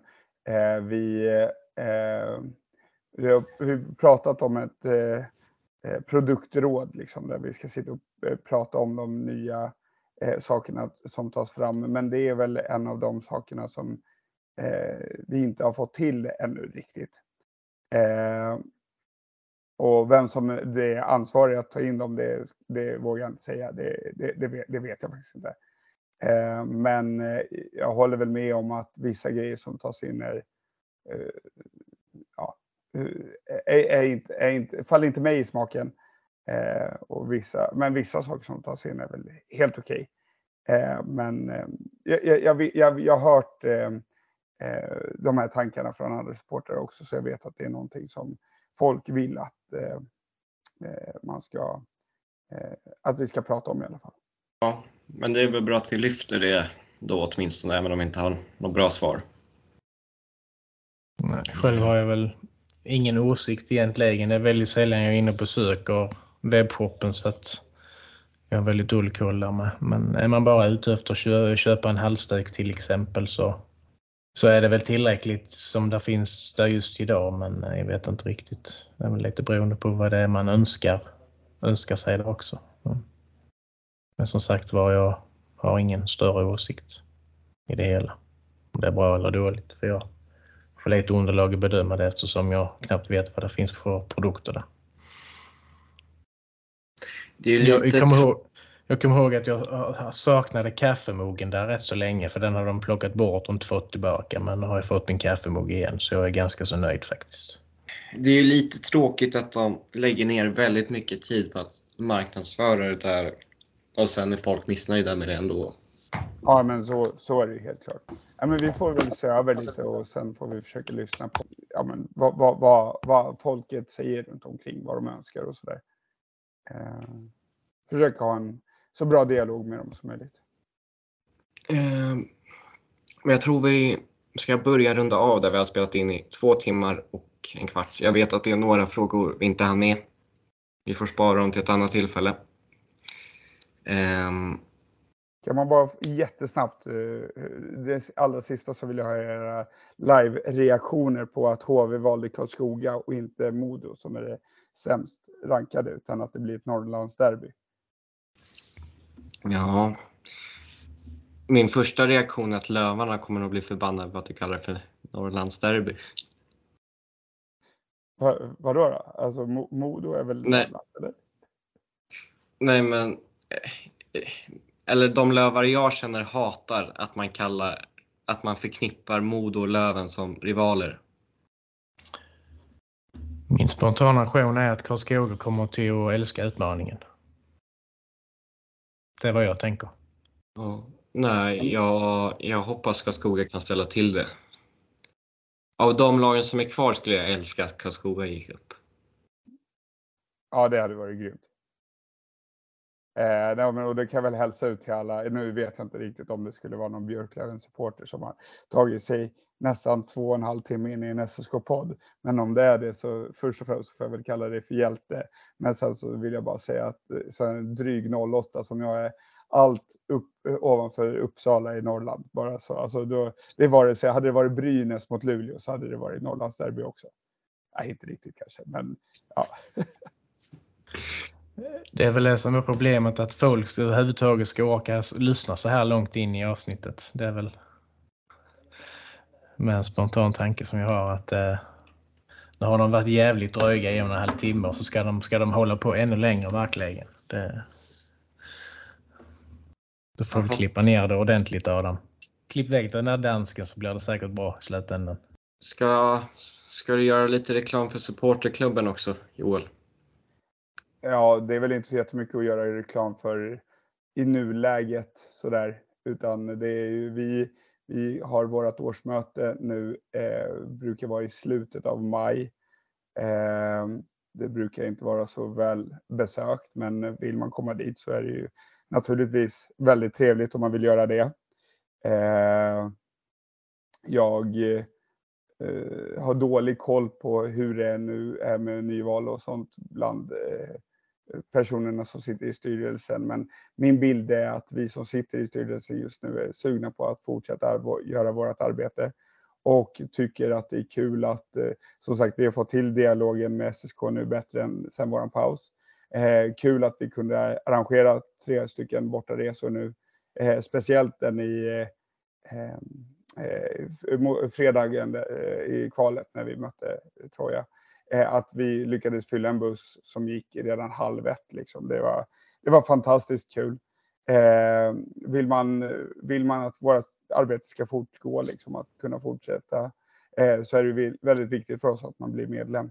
Eh, och det, eh, det är ju så att eh, vanligtvis så eh, våra medlemskap eh, sträcker ju sig maj till maj eller ja, den brukar gå ut där när det är maj, men blir man medlem nu så blir man ju naturligtvis medlem för kommande säsong också. Det är ju inte bara fram till maj, utan ja, gå gärna in på eh, vår Facebook-sida och eh, kika och så kan man bli, bli medlem där om man inte redan är det. Och har någon av er några avslutande tankar om säsongen innan vi släpper den? Fy fan vad skönt att den är över. Ja, kan bara hålla med. I övrigt så känner jag mig väl kanske ganska så färdig för idag. Jag vill bara tacka att jag fick vara med igen. Det var riktigt trevligt att sitta och snacka med er en bra stund. Innehållet blev bara så mycket trevligare när du var med Joel, så att det är bara till att... Du är välkommen fler gånger. Det kan säkert bli fler gånger under säsongen också. Ja, tack för det. Mm, ja, men. Men då rundade vi av. Ni har lyssnat på det 20 avsnittet av Täljetokarna. Mitt namn är Adam och jag har poddat med Daniel som nu ska öppna skumpan när Kristianstad åkte ut och Joel Bäckman. Eh, vi hörs förhoppningsvis snart igen. Ha det bra, hejdå! Daniel ska inte gå och öppna någon skumpa för han ska gå och lägga sig och näna kudde nu för han är en gammal farbror som är trött. Jag tror det där kommer med, för Jag kan inte stoppa in. Ja, det gör, det gör ingenting. Du får göra vad du vill med det. Om du, du kommer inte till, jag vet ju att du kommer inte till att klippa väck det ändå. Eller hur? Nej, det kommer jag faktiskt inte göra. Nej, det bjuder jag på. Men Daniel, kan du stoppa in? Jag vet redan att folk inte tar mig på allvar ändå, så att det gör. ingenting. När Södertälje har gått på is, då börjar